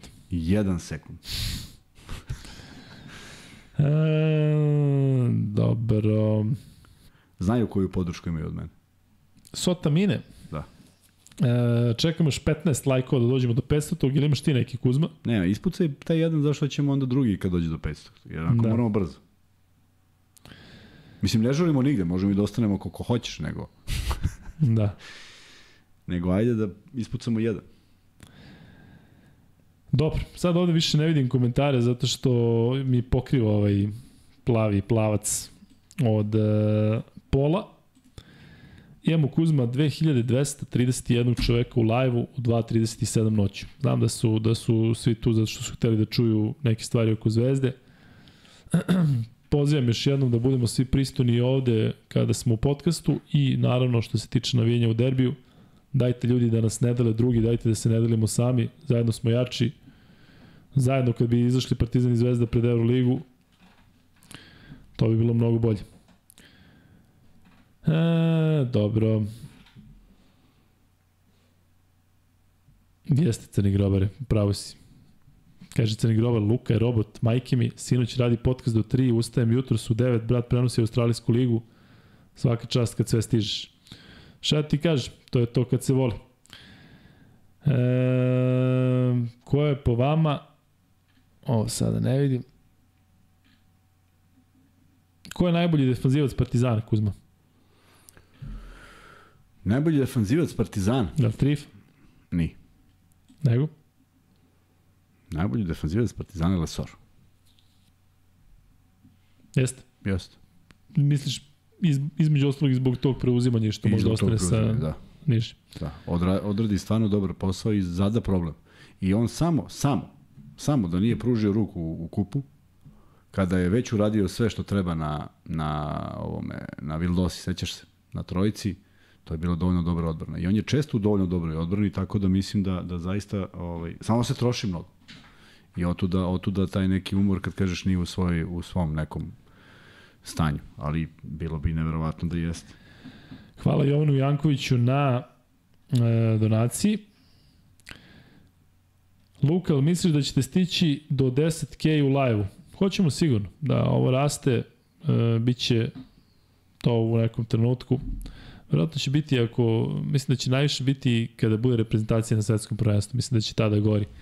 E, neko, ajde da kažem objašnjenje, dakle vidite koliko puno radimo i koliko ima podcasta i pokušamo da budemo aktualni što se tiče mečeva Zvezde i Partizana u Euroligi. Imamo manje gostiju iz nekoliko razloga. Prvo, ovi termini utorak, sreda, četvrtak, petak su namenjeni upravo ome, ne možemo nikoga da zovemo u, u pola jedan da dođe, bilo bi neozbiljno, posebno ne od aktivnih igrača. Ponedljak je jedini termin kada to može, a onda pokušamo da Zvezda i Partizan budu u centru pažnje, da dođe neko odatle, imamo neke, neke goste koji bi mogli da dođu, ali jednostavno pričamo sa njima o tome šta je bilo pre 30 godina, a igraju Zvezda i Partizan, jednostavno čekamo to za, za neki off sezone što se tiče nekih gostiju koji će tada biti ovaj, zanimljiviji nego, ne, nego sada. E, radimo na tome da unapredimo dosta stvari i kažem budite sa nama za 150. podcast pričat ćemo sa vama o mnogo čemu, treba će nam, treba će nam i vaša podrška i vaši saveti da nam kažete kako da sve to izgleda još bolje. E, Luka, sutra najmanje dva prekida će biti pogotovo ako Zvezda bude vodila, verovatno misliš na ponedljak, ne na sutra. E, da li će biti gostujućih navijača, Kuzme, si to negde video, čitao, pročitao? Ne, ne, ne, mislim da neće. Ono je bilo zbog Euroligi. Da. Luka, znaš li ko je Rajko i Rada novinarka? Za Radu znam. Rada je radila sa mnom intervju Beogradski novicki kad sam išao u Ameriku. To moja mama, ja mislim da ima negde, pa ako pronađem, mogu da pokažem. Luka, kad će prenositi Partizan i zašto ne? Prenosit ću ga možda ako nešto bude sa, sa Markom, mislim da je Žula druga opcija, ali kažem jedan i drugi rade fenomenalno, jedan i drugi su grobari. E, tako da ne bih volao iskreno da radim Partizan, zato što bi to značilo da nešto nije u redu sa, sa, sa Markom. A dečko je prva liga, tako da, da ovaj, ja bih vjerojatno upao u, u vatru, ko zna šta bi rekao. Rekao bi da je, da je ova protivnička ekipa Kante onda bi ovi krenuli na minus 30, tako da opasno je. A ja kažem da Partizan možda ima i tu neku blagu prednost zbog jednog dana više, s obzirom da su juče odigrali utakmicu, ali zato i jeste pomerena utakmica za ponedljak da ipak ima dovoljno za derbi i verovatno je to planirano negde na vreme. Ovaj, a evo vidiš šta će se desiti sa tom utakmicom koja će faktički uh, Efes je danas igrao, Dakle, petak, subota, nedelja, ponedjeljak, utorak, Petak, sreda, nedelja, utorak, četvrtak. Petak, nedelja, utorak, četvrtak. Da. Znači, to je šest dana, četiri utakmice. Da, ali protiv Bakče Šehira će vjerojatno da igraju Žika Kogod. i Mika. kogod može da igra. Gazi će da igra vjerojatno 20.000 minuta. E, Nikola Doderović kaže, dobro jutro, treća smeno. Živi bili svi koji vi sada radite i svi koji ste uz nas, naravno, ali vi koji ste na poslu. Drago nam je da, da vam radite, naravno, ali ovaj, Luka, da li si platio račun? Jes, radi telefon. Pozdrav iz Zemuna, veliki pozdrav. E, kako objašnjate pad forme kod Vilose? Pa, za neke stvari nema objašnjenje. Tako uzma. Nema, nema. O- Ovo što se dešava nije nije nešto što može lako da se objasni, možemo pretpostavljamo, nagađamo, čitamo nešto što se što se spominje, ali to je sve o, dome nagađanja i ne bih o tome nikad nisam ni voleo i pogotovo ako se ne radi o nekim stvarima iz privatnog života, ali da se odražava na igru Zvezde, odražava se i to treba bude zabrinutost pre svih stručnog štaba, da ako je već nešto, ako postoji nekakav problem, onda je on negde skrajnut ili malo se čeka neki moment da on proigra, ali onda ne mora ne mora, ne mora ovako da, da, da, da, da mi, čini mi se da donosi neku dodatnu nervozu. Igrači Nisam snimaju da po splavovima, ali zatim i kasno dođu u podcast. Licemerstvo igrača. Bori se sve si rekao. Šta radim? Šta da radim? Zanimljivo im je, zanimljivi je im je sigurno. Tamo na splavovima nego ovde. E, slušaš Kuzma ovo. Pogubili se su uloge u zvezdi dolaskom Kampaca. Vildosa igra znatno manje i lošije. Nedović ne preuzima odgovornost kao na početku sezone protiv Asvela Albe. Vaše mišljenje. Jel deliš mišljenje? Ne. Ne, došao je izuzetan igrač, ako pričamo o Kampacu iz Reala kojeg pamtimo i o nekome ko donosi dobru energiju, ja bih voleo da me neko rastereti prevođenje lopte. Verujem da bi danas Ivanović strašno voleo da je Kampaco bio na terenu kada je on prevodio loptu i da ne mora da se bori za život. Uh, Nedović je odigrao izuzetnu partiju i protiv Efesa isključivo na dobre lopte koje su dobija, koje dobija u pravom trenutku.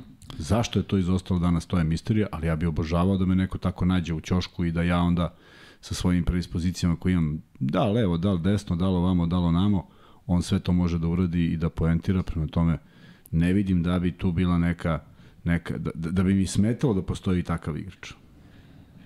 E, da, došli smo do 500 lajka i sada ćemo da ispucamo prvi free bet. Miksa, može da ugasiš ovaj e, da ugasiš ovaj pol, da vidimo šta kažu ljudi ko pobeđuje u derbiju. Kažu Partizan 69%, Zvezda 30%. E, Luka, našim strancima ističu ugovori na kraju sezone. Šta misliš ko bi morao da ostane u timu? Boga mi svi. Ne znam šta ti kažem. Papa Petru, ako je ovakav, neće biti, moći ćemo lakše da se odreknemo njega i Madara nego, nego ove petorke Lesor, Naneli, Exum, Panter, Ledej. Češ ti, Kuzma, free bet? Nemam snage. Nemaš snage? Mm.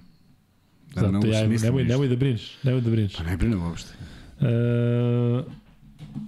Dobro, evo već ljudi ovde odgovaraju 87. Šta, šta, šta, koji, koje pitanje može da bude da je odgovor 87? A? Koje godine je bio koncert? Ekaterine Velike. Da. Ajde, izaberi, hoćeš da, da je, smislim, Partizan, Zvezda, Derbi, Euroliga. E, ajde, pitaćemo u vezi Euroligije, nek bude prvi, prvi free bet u vezi Euroligije. Dakle, e, ovako. Koliko je Vanja Marinković dao večeras poena u porazu Baskonije od Monaka?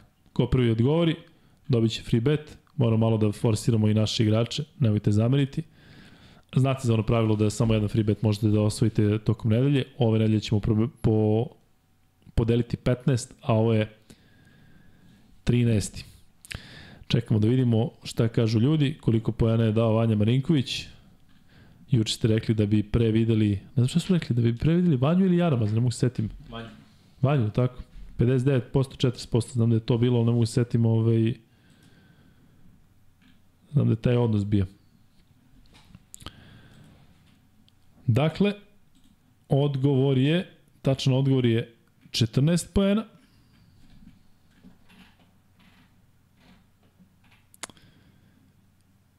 Jel Matija? Matija odgovorio prvi, Matija je rekao 14 poena, tako je, piše plakata.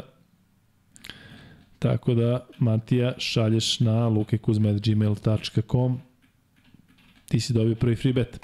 Miksa, hoću malo o Euroligi, jesi spreman? Mikrofon, kadar, dok Kuzma ovde odgovara na Instagramu. O Euroligi? Pa malo o Euroligi, pa posle ćemo NBA ligi. Jesi prenosio nešto danas, ovih dana? Jesi prenosio neku Euroligu? Danas ne, danas ne, danas sam cool. Danas sam odmarao, radio šta si radio 99 yardi. Danas samo. Radio sam Albo Žilgiris, pa sam radio Eurocup uh, Hamburg. S kim je go igrao Hamburg? Paris. Paris, tako je. Da, to je bilo tekmo koju sam radio. Puno nešto pojena, tako? Jeste, Paris igra, ba to ne, nema odbrane, nema ničega. Hamburg igra dobro. Dobro, da, dobro bilo tekmo. Mada Evrokup iskreno ove sezone je pa ako ne mogu da zamislim ni Partizan ni Zvezdu. Zamisli Partizan ili Zvezdu u Evrokupu. Dobro, s jedne strane bili bi favoriti u, za titulu, što, razumiješ, Jelek Kuzmel, bolje osvojiti Evrokup ili boriti se za top 8 i ispasti u Euroligi? Šta je, šta je veća satisfakcija za igrače i navijače? A, kada smo te 2005. igrali Final Four Euro, Euro Challenge-a i kad smo ga osvojili, nije se digla neka pompa, nisam ni očekivao iskreno, ali sam uglavnom dobio komentare, a dobro, kao to je, znaš, nije to Euroliga. Onda sam ja pitao gomilu trenera naših i rekao, zašto ne šaljamo stalno jednu dobru ekipu u te bez veze kupove, jer se ne da smo jedan osvojili. Zaista se ne Nema šansa da nismo imali predstavnika. Tako da, mislim da je dobro kada nastupaš u nečemu u čemu imaš najveće domete i možeš da osvojiš. I ako me pitaš to, naravno da bi jedna ekipa kao što je Virtus prošle godine sigurno smatra uspešnijom sezonu u Evrokupu nego što igraju na 13. mestu Euroligi. Ako oni misle da je to bolje, mi se Da. da. mi se vide oči dobro. Ne, vidim da gledaš tamo negde. Pa zato što ne vidim više.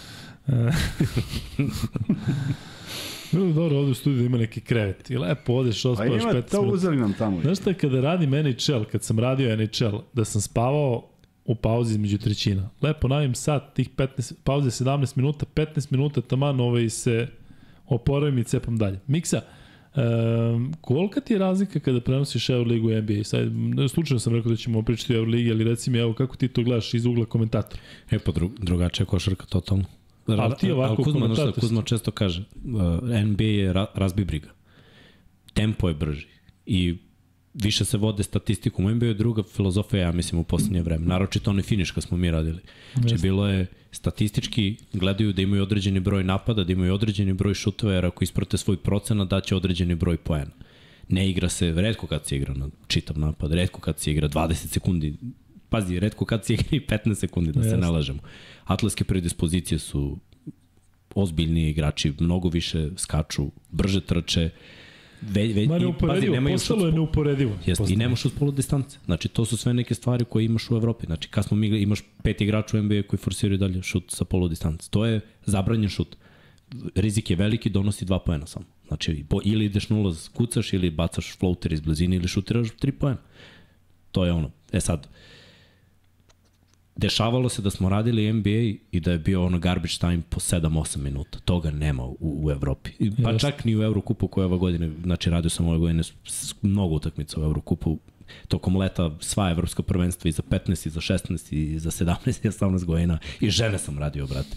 Ali Jeste, ne može ništa da se poredi sa garbage time-om. Jedno sam radio 4 minuta bez koša u NBA garbage time. Uš, Kako, U, jeste, kad kako- uđe oni pa ruk, ruk, ruka, rukama i nogama šaketaju. Da, kako kažu moji rotaciji, streamuju, kaže, talenti su ušli. Da. Tako da ono, neuporedivo, je, neuporedivo. Ali zato kad je playoff u NBA-u, druga priča. Znači, igra si, igra si Jeste, odbranu. jeste, potpuno drugačije. Damba donira i kaže pozdrav ljudi, paralelno Denver i vas idealno. Jel može komentar za neozbiljnost neodigravanja za ostale utakmice između Zvezde i Cenevite? Cedevite. Može, ja ne znam kada je zakazano uopšte. Niko ne zna. To je. Niko ne zna, a- ali ajmo sad realno, ovaj, s obzirom, samo da vratim film, s obzirom da smo pričali onaj četvrtak kad je bilo pred kup da nema Evrolige, sećaš se? Da. Koji je to drugi datum da je mogla da bude umetnuta uh, ta utakmica? Faktički mogla je, onog momenta kad Zvezda igra, na primjer, u petak tu jednu evroligašku, ali se te, tih nedelja igrao i Evrokup, pa je onda Cedevita imala svoju utakmicu, prema Da. tome svakako nije, e, ne znam da li je namerno ili je jednostavno nedostatak e, mogućeg termina. Mik se pohvali se sa 1 na 1. Šta je to Mik? Jedan na jedan je nešto što smo Vanja i ja planirali da radimo s toga i na taj podcast samo o NBA-u koji će Kuzma da prati svaki. Aha. Ja sigurno. Jel počinjete večeras? Da krenemo odmah da pratimo. odmah, da, da, da nastavite sam. e, Bilo bi zgodno danas da krenemo. e, Miksa, može da staviš i pol ovo što Heart Break It kaže, Heart Break Kid, kaže, može li Pol, da li bi volili Teodosića u Zvezdi sledeće godine? Interesantno. Dakle, da li biste volili Teodosića u Zvezdi sledeće godine, da ili ne? Mislim da bi jedan takav igrač mogao da malo ovaj, donese neku živinu. mm, Bog te mazo, ovo sa Jokićem će biti ekstra za praćenje večeras kad se dođe kući ima da pratim stvarno. Da li vama nedostaju šuteri sa polu distanci? Kuzma, ti nedostaje? O, kako da ne. Miksa tebi moj- ne nedostaje. Moj omiljen šut. Moj Ma, omiljen polu distanca. Kako Samo da nedostaje. trojka do besvesti. Ajde ti si. Sve. A, Ti znam da voliš trojku. Danas Uf, Williams daje š, ku, ko štežak šut u tablu preko Mitrović, on ulazi u tablu u, jeste. i verovatno svi na terenu šokirani. Kao šta se ovo desilo? Ali hteo, videlo se da je Videlo se, hteo da se. A namesti. znaš, no, verovatno su i u fazonu, šta Jeste. je, ovo je poludeo. I lepo je pogodio, baš je lepo, onako, čisto. Kako je lep taj šut tablo s pola distance. Da, Nema toga više, drugari. Nema Brajkoviću. Miksa, da mi pređemo na NBA ligu. Reci ti meni, e, koji je tvoj omiljeni tim? da koga navijaš? Ne navijam.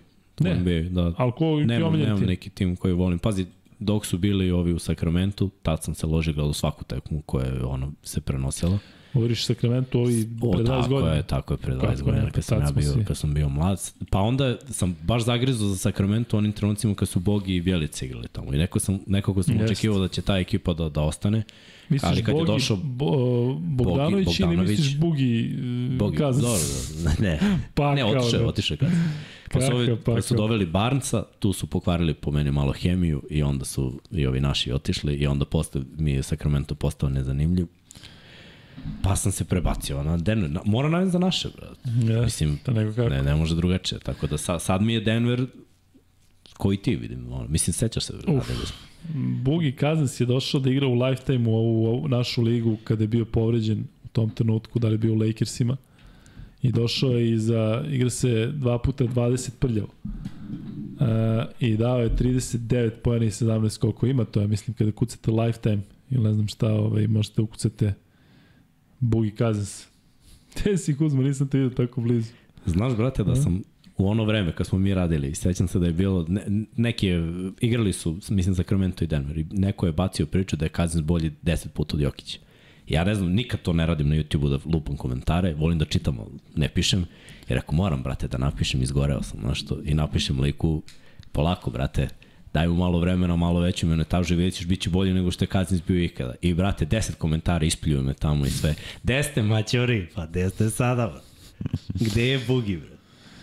Koliko NBA liga može da pojede te igrače koji su dobili ono maksimalne ugovore i koji su bili na pragu da dobiju maksimalne ugovore, kad vidiš gde je sada Izea Thomas, gde je sada Bugi Cousins, gde je, šta se desilo sa, desilo sa Kennethom Faridom, koliko primera ima tih igrača koji su nestali, ovaj, prosto neverovatno. Jokić trenutno ima 18 pojena, 4 skoke, 4 asistencije. Miksa, um, nećemo se zadržavati puno na, na NBA-u s tim što možemo da ovaj da ljudima kažemo za ono kad si me isključio. Sećaš se kad si me isključio kad smo radili zajedno Da, prenos? brate, pa kao. Mislim, nisam te Miksa- isključio, ti si se sam isključio, ali ja te nisam uključio. Miksa treba ono upravlja miksetom ko ti Ilija kad radite. Ilija je taj koji podiže i spušta. Tako, desni kada radite, levo i desno. Mm, kada radimo iz kabine, Da. da. levo, mm, on podiže. pušta. On sve radio tako, ti ne pipaš je ništa. ono E, je tako i. Miksa radio. I Miksa sebe podigao, mene nije podigao. Ja pričam, brate, u prenosu mm, mirno, ništa se ne dešava. Mislim da je Jokić bio čet. Jeste. Jesmo. I u jednom trenutku samo ja vidim ono crveno. Ja Da. rekao, brate, Da, nisam da. te podigao, ladno. A to se bukvalno nikad ne dešava. To je zašto si mnogo pio vode u to. Verovatno. Hidrirao si se jako. Bukvalno, pa kao i ovde, vidiš, sad, je, sad je ovaj, bitno mi je da me ovde ne spustiš, ovde me molim, drži sve vreme, sve vreme ovaj, on. Ajde, može mute ono kada puštamo ove fantasy ligi, ali dobro. E, Miksa, daj mi svojih pet favorita za, za titulu ali tim redom u NBA-u i da lagano završamo podcast. Pa, ajde ovako. Broj 1, Milwaukee. Tačno sam znao. Provalio ja sam volim, te Ja volim, ja volim ovaj divljani. kad sam ušao, da, kad sam da. zakasnio. Broj 1 Milwaukee, broj 2 Golden State, broj 3 Denver, broj 4 nekim slučajem Boston ako dođe i, i 5 Phoenix ako se Durant oporavi. Reci mi koji su ti treneri koji bi izdvojio u NBA? Uh. Uh. molim te Melona da kažeš. Pa moram da Nemoj, kažem... brate, molim te, daj da se A mo- rastanemo al, u, pazi, u dobrom Ali moram jer, jer je projekat njegov koji traje dugo. Koliko traje ovaj projekat? 5-6 godina. Je tako? I posle Bo, 5-6 Kad je godina. Jokić došao u ekipu, Pa, projekat je vrlo jednostavan. Njegova ideja. I da Nurkić ode, i da ovaj nosi, i da... Pa ne znam baš da li je njegova, nisu mogli Jokić i Nurkić Pa nisu zajedno. mogli tako, ali on je morao da izabere. se On je morao da A Ne izabere. znam da li baš on. Misliš da nije? Kani Šovas ili ko je već tu malo ovaj, doprinao. Glej, Greg mi je uvek Ja, Grega obožavam, on je mene, San Antonio sam obožavao da gledam. Uvek sam navijao za San Antonio u svakom finalu protiv svakog, jer ne navijam inače ni za koga, njihova košarka mi je bila cool. Hmm. Jasona Kida moram jer sam ga gotivio kao igrača. Mislim da, da je kao pa se, ne, ja verujem u to da je dobar igrač, može da bude dobar trener, sad mo- možda je to greška, ali gotivim, gotivim njegov fazan. Mislim, ima, ima mnogo dobrih trenera. Ima. Ne bi bili, ne bi bili tu, mislim da, da nisu dobri. E, komentar na Perkinsa, to smo pričali juče, lik se sprda, mi glumi da. klovna i A mi ga komentarišemo. Tako je, da. E, Mikse, hvala ti, možeš da ugasiš ovaj pol. Drugi free bet će biti, pošto smo pitali koliko je dao danas Marinković protiv Monaka, bit će i pitanje koliko je za Fener dao danas poena Marko Gudurić. Ja imam treće pitanje van konteksta. Odlično, daj samo da završimo ovo. Ubrzat ćemo, ne brini. Van konteksta. Van, van kontekst. E, da li bi volite osjeći u Zvezdi sledeće godine? Šta kažeš Kuzma? Koliko, nekoliko da? Nekoliko da. Šta tako rekao? 72, 28 Za? za ne. 55 za ne, 44 za da. Gudur je dao 15 poena, tako da ćemo da vidimo ko će prvi to da odgovori i ko će dobiti drugi free bet. Larry Bird, Larry, G bio Larry. I sada je vreme za posljednji free bet koji će postaviti naš dragi Vlajko. Izvoli Vlajko. E, u, na, na, na albumu Combat Rock Clash-a nalazi se pesma Red Angel Dragnet. I citat jednog junaka iz jednog filma, koji se zove Travis Bickle. O kom filmu se radi? O kom filmu se radi? Kuzma će još jednom da postavi pitanje za vas. Na albumu Combat Rock nalazi se pesma Red Angel Dragnet, u kome se koristi citat iz filma koji izgovara glavni junak Travis Bickle. Pazi, ja kao bi trebalo bi da znam engleski, ali ja ovde ništa nisam razumeo. Hoćeš engleskom da te pitam? Može. Travel, Bickle, Bickle Travel. Ljudi dalje odgovaraju koliko je Gudora dao poena, tako da... on. E, nema odgovora na ovo free bet pitanje. I da ljudi pričaju o Guduri. The Clash. Ne, ne, koji je band? Nego, Their Clash. ne, Sa SR. ne band. Nego koji je film? Matrix. Koji, koji film? Taxi Driver. Zombie Apocalypse. Taksi. Kuzma, taksi, si govori taksi. Taksista. Taksista. Pa dobro, taksi driver je onda tačno. Tako je. Taksi driver je Aleksa Zorklija. Aleksa Zorklija, ne znam da li si dobio ranije, ali sada si dobio i šalješ na lukajkuzma.gmail.com maxbet ID i Kuzma će ti u jednom trenutku negde tamo krajem augusta ovaj, poslati taj free bet. Kuzma, hoćemo da završamo, Hoćemo, moram. A da potrebno još 15 minuta. Nemoj. Neću. Ovaj, 301, odlično. 301. Ovaj, ljudi, dakle, plan je sledeći. 147. podcastu završamo Da, upravo. Ponovim. 148. radimo u ponedljak, 149. u četvrtak i možda 149. i po, mada sad nema smisla više Zvezda Barsa da, da radimo u petak. Ne, ne radimo sigurno. Da, Kuzma ne radi u petak, možda dođem ja sam, pa malo ovo ono. Ne, ne, ne, ne, nego ne možemo više u pola. Ovo je, ova nedelja je bila pakao. Da, ova nedelja je bila, ali Mislim, radimo bilo je da zadovoljstvo radimo i uh, ja sam ostao dužan, to ćemo u ponedljak, ali ostao sam dužan da kažem da je stiglo još uplata vaših za, za maju. Naravno, nisam stigao da obradim, nije u onom iznosu, tako da jedva čekam da se skupi još malo pa da podelimo. Dresovi su stigli, još jednom da napomenem, kogod je iz Beograda nek se javi, već sam dobio neke informacije da će neko dolaziti na derbi, pa ćemo to podelimo. A, Dva puta po tri karte postoje među mojim prijateljima, ako neko želi na derbi, uslov da su navijači Partizana, ako neko zainteresovan, neka se javi. Čuli ste sve, e, dakle vidimo se u ponedeljak, ne znamo još kada, ne znamo da li ćemo raditi derbi ovde u live-u, ideja je da budemo tu u 9, tako da ćemo se vidjeti u ponedeljak u svakom A slučaju. kad je utakmica? U pola 8, pola 9. Da, vidjet ćemo Dakle, ako možemo ranije da devet, krenemo, da, da, samo Pa ako možemo ranije, sa, ako sa ne onda... Srkijem i sa studijom, da li možemo u 8 i da gledamo derbi, to je neka ideja. Da, ako ne možemo da smo u 9, Tako je. svakako. Ljudi, vidimo se, uživajte.